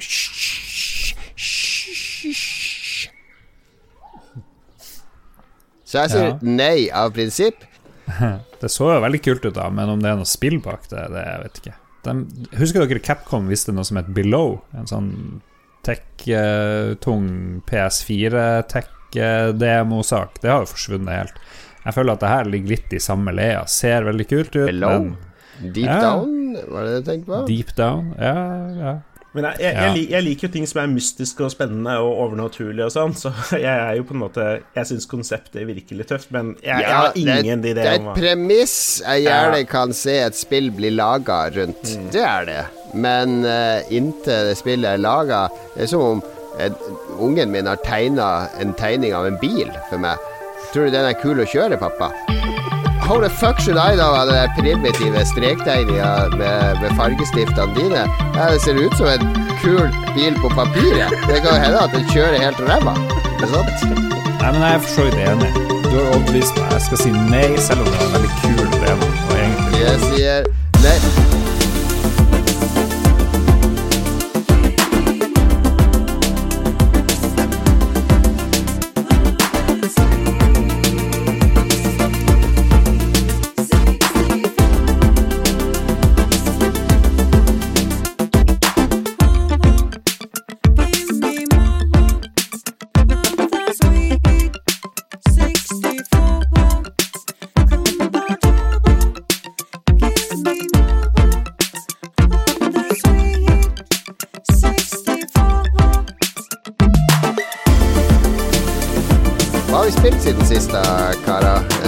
Du, blitt, du er helt på VR-kjøret nå, har jeg skjønt. Ja, jeg har uh, lang historie kort vært veldig avventende til hele VR-teknologien. Ja, fordi Du venta helt til det ble sånn 30 grader i Oslo før du skal streppe på deg sånn headset og stå og danse i stua, i stedet for å gjøre det om vinteren. Da har jeg god grunn til å kle av meg mer. Um, men eh, eh, fordi teknologi er på en måte aldri kulere enn softwaren det blir brukt til, og jeg har liksom gått rundt og venta på de kule VR-spillene som er Hvor VR gir spillet noe mer. Ja, sånn at jeg kan få en ny, kul spillopplevelse. Uh, Half-Life Alex skal jo gjøre dette, så nå som det er ute og sånn, så tenkte jeg at jeg skulle få lånt meg et VR-sett av min gode venn Thomas Heger. Um, Det jeg ikke har gjort, er å spille et eneste minutt av Half-Life Alex enda. um, selv om jeg har det klart og installert, så det er mulig. Det skjer på stream på Lolboa-twitchen. Um, Men jeg spilte masse Beat Saber, selvfølgelig. Game of the Year 2019. Det er kjempeartig. Kjempegøy. Uh, jeg er jo kjempeglad i Guitar Hero og Parappa the Rapper og, og Best of Groove og alt mulig sånne ting. Um, så, så, det faller meg selvfølgelig veldig, veldig nærme. Uh, men det, det er kjempeartig. Det eneste enorme drawback er at når du står der med VR-settet og du veiver og du klarer ting og får bra score og sånn, så føler du at du ser skikkelig kul ut, og så sjekker du streamen etterpå, og så står du og veiver som en idiot med dinosaurhender og what, what, what, what. Så ja. Hvis du skal spille, så kanskje ikke stream det sånn i første omgang. Jeg har jo ingen skam, så jeg bryr meg ikke, men uh, Du vet, en av de første gangene jeg møtte deg, Philip, så var jo uh var noe sånn Kinect-dansespill på Palais i Oslo eh, sentrum, der eh, Microsoft hadde stilt ut. Altså Alle de sjenerte spilljournalistene, meg og Rune og Snorre og Marinovska, alle de skulle teste nye Xbox-spill, og så det var ingen som skulle spille det dansespillet eh, som sto der. Og så kommer Philip inn og bare 'Å, dansespill!' Var slag fra deg begge. Sto der med armer og bein i alle retninger. I, du jo, har jo rytme, da. Du har jo latinorytmen inne, men det, det husker jeg alle ble litt sjokkert over han Philip. Mm. Det, var, det, var, veldig gøy. Den uh, spill.no-artikkelen Den ligger ute fortsatt, med den videoen hvor Jon Cato står og blir intervjua, og din nå 19 år gamle sønn, som uh, uttaler seg som 6 år gammel eller 8 eller noe sånt. uh, og så jeg i bakgrunnen der, da, som står og veiver og danser og holder på. den ligger ute på nettet fortsatt. Nice. Ja, men det er Beat Saber det går mest i da, på VR. Det, du, det er jo blitt VR-vinneren de luxe, ja, det spillet. Det det det er kjempegøy. Uh, så fort man er litt grann inn i det, så er det, er det kjempeartig. Um, enn så lenge det er litt lite sanger, men jeg har skjønt at det ikke er så lett det ikke er så vanskelig å få lagt til en del flere og masse custom-greier. Og det er jo masse Final Fantasy 7 soundtracks som er lagd til Beat Saber, og så jeg skal få masse å kose meg med fremover der. Men um, i tillegg så har jeg spilt et, et spill sammen med samboeren som heter uh, Moss. Og Moss er jo en av Norges vakreste byer, så dette kan jo bare bli bra. Um. Jeg vet ikke om dere har hørt om det. det er, du spiller en liten mus. Og så skal du på en måte fly rundt og gjøre ting. Det er litt sånn puzzle-plattformaktig spill. Og det er Det er VR-spill, det òg, er det ikke det? Ja, rent VR-spill. Du kan ikke spille det uten. Og det er kjempesøtt. Megakoselig. Eh, mm. Samboeren min satt nesten mer og bare sa koselige ting til denne lille musa enn å liksom spille videre, for hun syntes han var så koselig og sjarmerende. Og det, ja, nei, det, det er veldig pent, hyggelig spill. Så det er noe å, å eventuelt titte på hvis du har et VR-sett som du ikke har brukt på en stund. Men du har lånt VR-sett? Har du blitt overbevist nok nå til at dette må jeg investere i og ha på fulltid? Um, uh, nei, jeg har ikke det. Jeg, nå må jeg få spilt Half-Life Alex først, da, som visstnok skal være veldig bra. Men jeg kan jo ikke mm. spille det igjen så mange ganger heller, liksom. Så uh, når jeg går lei av Beat Saber, så er jeg nok klar for å levere det tilbake. Og da var jeg egentlig mer interessert i uh, PlayStation VR-settet. Uh, ja. Det er mye billigere, mye enklere, og da får jeg det kamera til PlayStation, sånn at ja, jeg kan ja, streame med kamera på PlayStation 4, og det er jeg litt interessert i, og det selges ikke separat lenger. Um, uh, pluss at da kunne jeg spilt Resident Evil 7 VR på stream.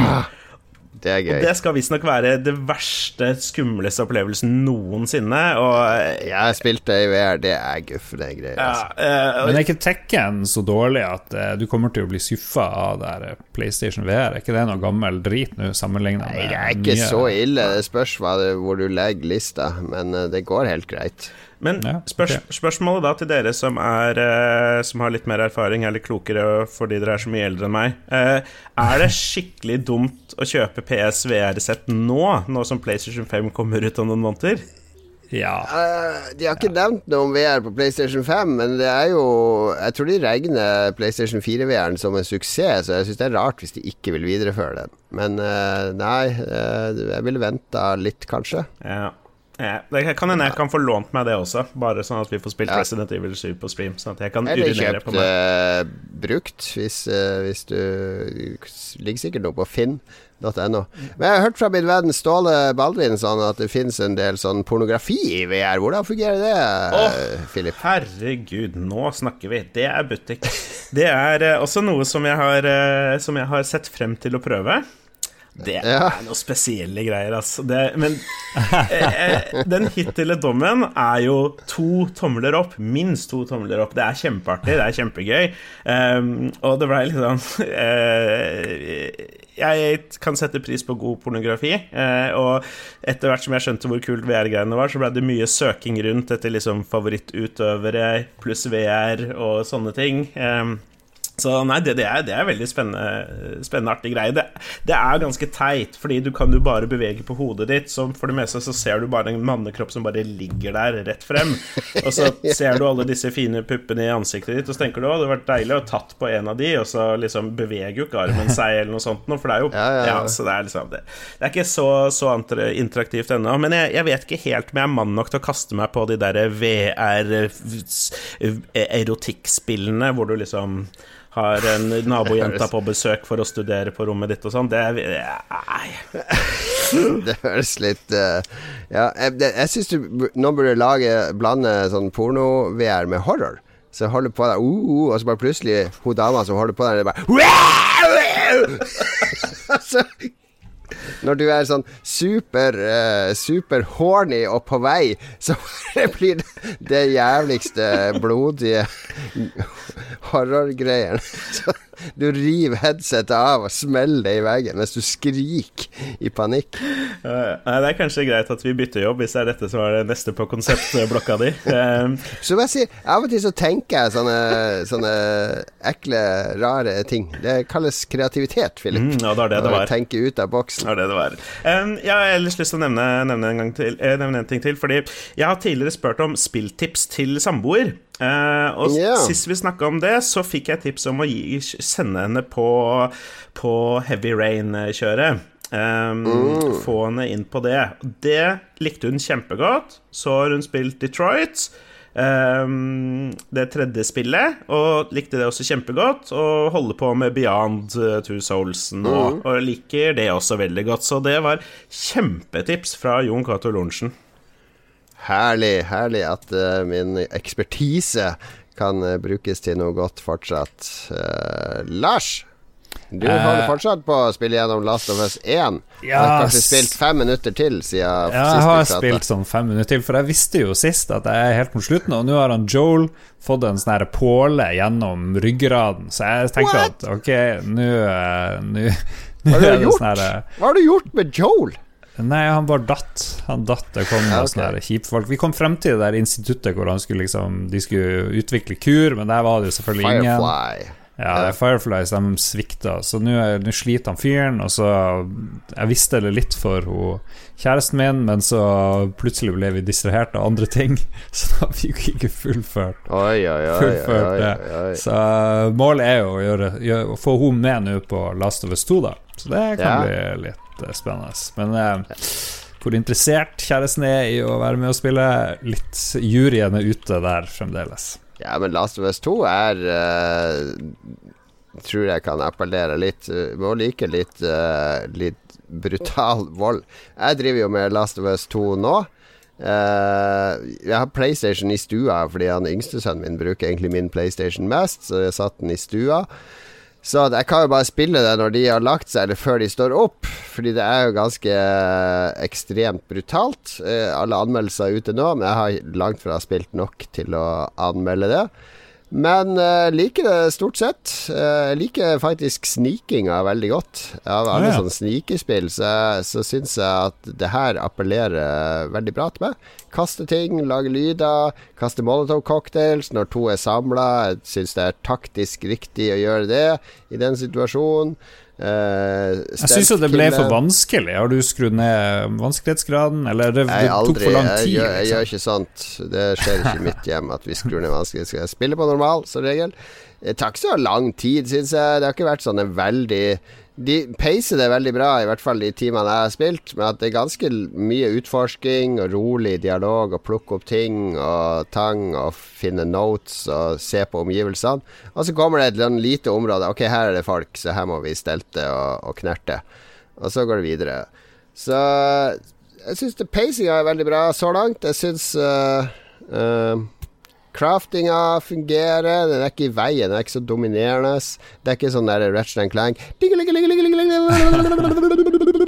at det renner inn sånne ting du skal crafte med hele tida. Det føles som en belønning når du finner de. Ah, her kommer jeg til et område litt Og så er det litt sånn open, i hvert fall det området du er i nå, liksom er etter starten. Så kommer du til et ganske stort, åpent område med masse hemmeligheter, kanskje litt å ta i, men det er masse steder du, du kan gå rett dit du skal. Altså mm. dit du skal, og gjøre det. Men det er sånn fire-fem eh, små sidequests eller eh, ekstrating du kan gjøre, og det bør du jo gjøre, for da får du ting til å oppgradere våpen og skills ja. og sånne ting. Har de fiksa det? For det var jo litt sånn i Uncharted at det kom litt for mye fiender om gangen. Plutselig hadde du følt som du hadde drept 50 folk i noen encounters i Last ja. Nei, det har ikke vært uh, det, er, det er sånn tre til åtte på de områdene jeg har vært. Uh, altså Altså Alle er jo helt i ekstase.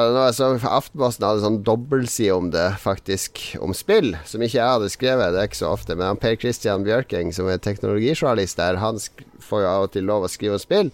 Og det var veldig sånn vinkla på at ansiktsteknologien var så avansert nå at nå så det virkelig ut som ekte mennesker, og bla, bla, bla. Og det er litt den vinklinga Det er den der uh, spill må se ut som film for at det skal være eh, et fullverdig kulturmedie. Det er så mange gode måter spill formidler narrativ eller følelser eller opplevelser på, annet enn at ting skal se mest mulig realistisk og menneskelig ut, syns jeg, da, som spill som sikkert over gjennomsnittlig opptatt spillkulturkritiker. Eh, så jeg syns sånne jeg syns det er en sånn feil måte å hylle det spillet på, fordi jeg, jeg, klarer ikke å bli så veldig engasjert i de personene og sånn i spillet som jeg ser at mange andre blir, og det er kanskje meg det er noe galt med, men for meg er de De er godt eh, Gode, utbroderte karakterer, troverdige og alt sånn. Men så når jeg løper fremover, så kan jeg hopp, trykke hele tida på hoppeknappen. Det anbefaler jeg å prøve, Lars. For da ser de jo helt Det er sånn uh, uh, uh, Galopperer sånn. Og da ødelegger jeg eh, for spillskapere som har gjort alt de kan for at jeg liksom skal Å, dette er så ekte og vakkert og troverdig. Jeg, jeg føler en sånn barnslig glede av å ødelegge det der. Jeg, Henger det på grep? Det, snakker jeg bare tull? Noen ganger er det Jo mer seriøst noen vil at jeg skal ta spillet deres, og følelsene vi formidler i spillet, jo mer glede finner jeg i å kunne bryte den illusjonen deres. Kanskje jeg er bare en kuk. Det høres ut som det er litt deg. Høres ut som It's you. Kanskje. Men, Nei, men, ikke helt. Jeg husker jeg hadde akkurat samme greie med å spille Prototype til Xbox 360 for kjempelenge siden, som også var sånn derre Å, du er en super badass, og du har superkrefter og sånne ting. Og så merka jeg at hvis du liksom skulle hoppe opp en bygning, og bare fortsatte å trykke på hoppeknappen, så gjorde den liksom den ta satsanimasjonen kontinuerlig, og det så helt ridiculous ut. Og ja, ja, ja. det bare lekte vi med. Jeg gjør det i Resident Evil òg, brukte jeg tappe forward når du går fremover, for da moonwalker du bortover gulvet sånn. Bare sklir du fremover. Det er kjempeartig. Å nei, zombie! det, er Så, det, det, er jo gøy å gjøre sånn, da. Ja.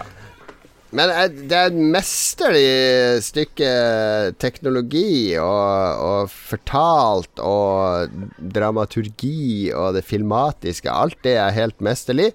Om det er så eh, vanvittig bra som alle kritikere vil ha det til, det vet jeg ikke ennå. Men jeg skal spille det mer. Jeg gleder meg til å spille mer. Det gjør jeg. Og så får det PlayStation 4-en din til å blåse som et jetfly, gjør det ikke det? Ja, altså det er så høyt at jeg hører ikke dialogen. Den, den PlayStation er sånn der eh, Den begynner sånn her Og så blir det og så,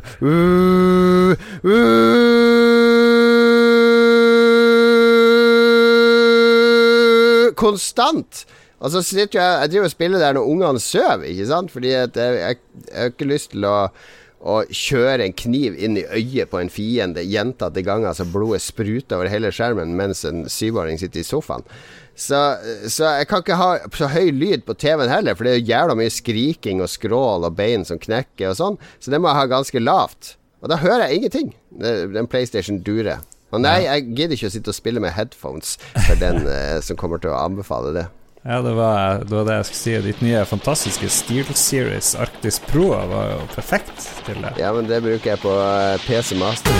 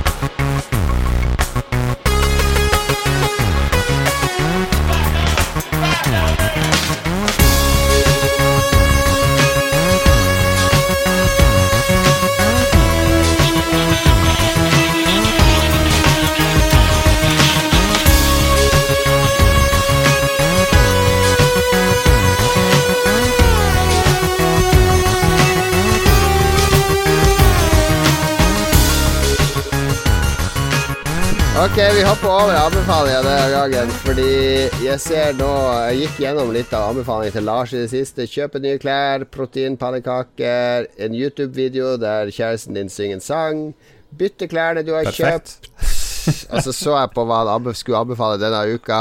Jeg skal spare dere fra det. Vi, vi kutter anbefaling. Jeg anbefaler Lars å finne noe å anbefale til neste gang. Noe ordentlig. Ja, han må bare få Noe en uke til å tenke på. Konkret. Ja. Ja, Nå må du takk. finne noe, Lars. Tusen takk. Men lytterspalten Vi kan ta den før vi gir oss.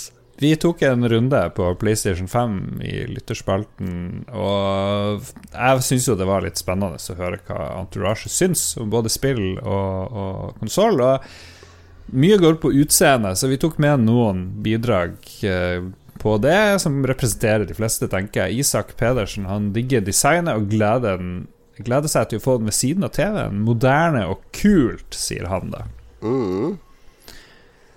Så kan er det Pål overlate Sørensen eh, Malmberg som tror han må gjøre om hele racket sitt. Ja. Ja. Kan ikke bare steppe den inn i et rackskap. Hva er et rackskap for noe? Noen folk har jo sånne fantastiske skap hvor de putter ting. Det ser veldig fint ut. De har konsollene. Det er motsetninga til oss som bare setter litt hit og dit, og det er litt kaos. Ja, Noen har stresser jo veldig veldig med det. Han, han sier han må male skapet hvit og få noen blå LED-striper. Så kan PlayStation 5-maskinen trone på toppen, og så kan han putte Xboxen i bunnen. Ja. ja, for det, det er dem, dem er kanskje mest opptatt av at ting skal se bra ut. De som har sånne jækla gjennomførte gamingrom hvor det ikke har distraksjonene som, som vi andre har. Tror du han har det, da? Jeg vet ikke. Noen har det. Noen har det. Ja, I hvert fall Pål, du må sende, sende bilde av eh, Åh, det skulle vi hatt. Vi bedømmer uh, spillområdet ditt. Åh, Ja. åh, kan ikke vi få det? Alle, alle lytterne sender inn bilde av der de spiller, altså hva vi bedømmer. Mm, det er gøy. Det er gøy. Ja, jeg tenkte på det før at vi burde lage en sånn uh, Cribs, Lolebua-versjon, hvor vi viser fra hvor kule gamingoppsett vi har. Uh, ja, så han Pål han er åpenbart eh, opptatt av estetikken uh, og har ting planlagt. Jørgen Johansen Nyplass han klarer ikke helt å bestemme seg om han syns den er kul eller ukul. Personlig skulle han ønske at den var sort, stillegående og, og anonym. Da passer den best i stua. Ja, han er en av de her med litt sånn dårlig selvbilde overfor gaming, så han skal ha det mest mulig anonymt. Du skal ikke, ikke Det er ikke spillmaskin. Det er ikke spill. Spill ikke. Uh, Bjørn Bjelland han driter i hvordan det ser ut, og det viktigste er spillene, og foreløpig så er han mest frist av Demons Souls og ja, slett ikke verst. ja, ja. Christopher Getterboys lurer på hvilken tittel som gjør PlayStation 5 til en must buy. Eh, ja Jeg tenker Foreløpig Horizon. er det vel. Horizon. ja. Ja. Ja. Alt annet er jo multiplattform, bortsett fra Horizon, Gran Turismo og Spiderman og Demon Souls. Det er de fire. Så Demon Souls og Horizon blir vel grunnene. Ja, Horizon 2 er en god, god grunn til å kjøpe en konsoll, for så vidt, som vi kommer tilbake til. Um, Trygve Bjellvåg han uh, spør hvor har det blitt av de edgy, høyst eksperimentelle reklamene bak Sony? Snakker om lynsekvenser og Chris Cunningham sin serie. Trengs det lenger? Hva skal til for å skape litt blest nå om dagen rundt konsollen sitt DNA og attitude? Ja, vi snakka litt om det i episoden hvor vi gikk gjennom PlayStation 1-historien for et par episoder siden, og da var jo det her med at de kjørte litt sånne spesielle edgy eh, greier, og det har forsvunnet litt nå. Altså, introen til det er litt risikabelt å være edgy i markedsføring nå. Det skal ikke så mye til før at du tråkker over. Tenk deg hvis Xbox da De kunne jo tatt et bilde av Xboxen Series X ved siden av PlayStation og skrevet 'Black Consoles Matter'. Det hadde sikkert ikke blitt tatt godt opp. Det hadde vært innafor på 90-tallet. Da kunne du gjøre hva som helst innenfor markedsføring, men nå er det Nei, det er ikke Du skal være litt mer forsiktig nå. Ja, jeg så videoen av både Xbox Series X-revealen og nå nylig PlayStation 5, og begge starter med sånne blobber, og det er bare sånn helt uh, Veldig kjedelig. Og det ble jeg veldig lei av, den PlayStation-presentasjonen. Av de eh, geometriske formene som skulle komme inn og ut, den trekanten og X-en og sirkelen. mellom hver greie. Det Mm. der kunstneriske ramma de prøvde å legge på det, som ikke var kunstnerisk i det hele tatt. Det. Ja. Yes. Men vi, vi har jo en litt sånn feeling på eh, liksom attituden til PlayStation 5 versus Xbox. Eh, bare liksom hvordan den signaliserer 'her er jeg, jeg er en fancy ting, skal gjøre kule greier', i motsetning til å være en mer anonym ting. Eh, altså i forhold til hvordan spill de viser frem, litt mer, eh, litt mer variert, mer mot barn og familier, kanskje, enn det jeg husker å ha fra Xbox inn i hvert fall. Ja, jeg føler all spillmarkedsføring de siste 15 årene Der har vært basert på den eh, Song 2 av Blur. Den derre Og kan bare sette hvilken som helst sånn actionspill-footage, klippe til den. Det er all spillreklame og konsollreklame er liksom Blur Song 2-følelsen du skal gå for. Den der uh, oppjaga, ekstatiske Woho, dette er en kul konsoll. André Vollan. Er det Vollan? Vollan? Vollan? Rolla. Vollan. André Vollan. Er det ville jeg sagt det i Nord-Norge. Vollan. Vollars bak Vollan. Kæbe, tror jeg det er. Ble positivt overraska over designet. Bedre enn ballekjøleren kjøleren som devkittet var. ja vel. Det, det, jeg har ikke prøvd det med DevKit. Det kan godt hende at det går. Av spillene jeg ikke ble småhypa før ja, Av spillene ble jeg ikke småhypa før Pragmata ble vist. Ja, han, ble, han beit på den astronautvideoen. Men når de viste Horizon 2, lost my shit! Var Horizon som gjorde at jeg kjøpte PS4. Ah, her har du en Horizon-fan.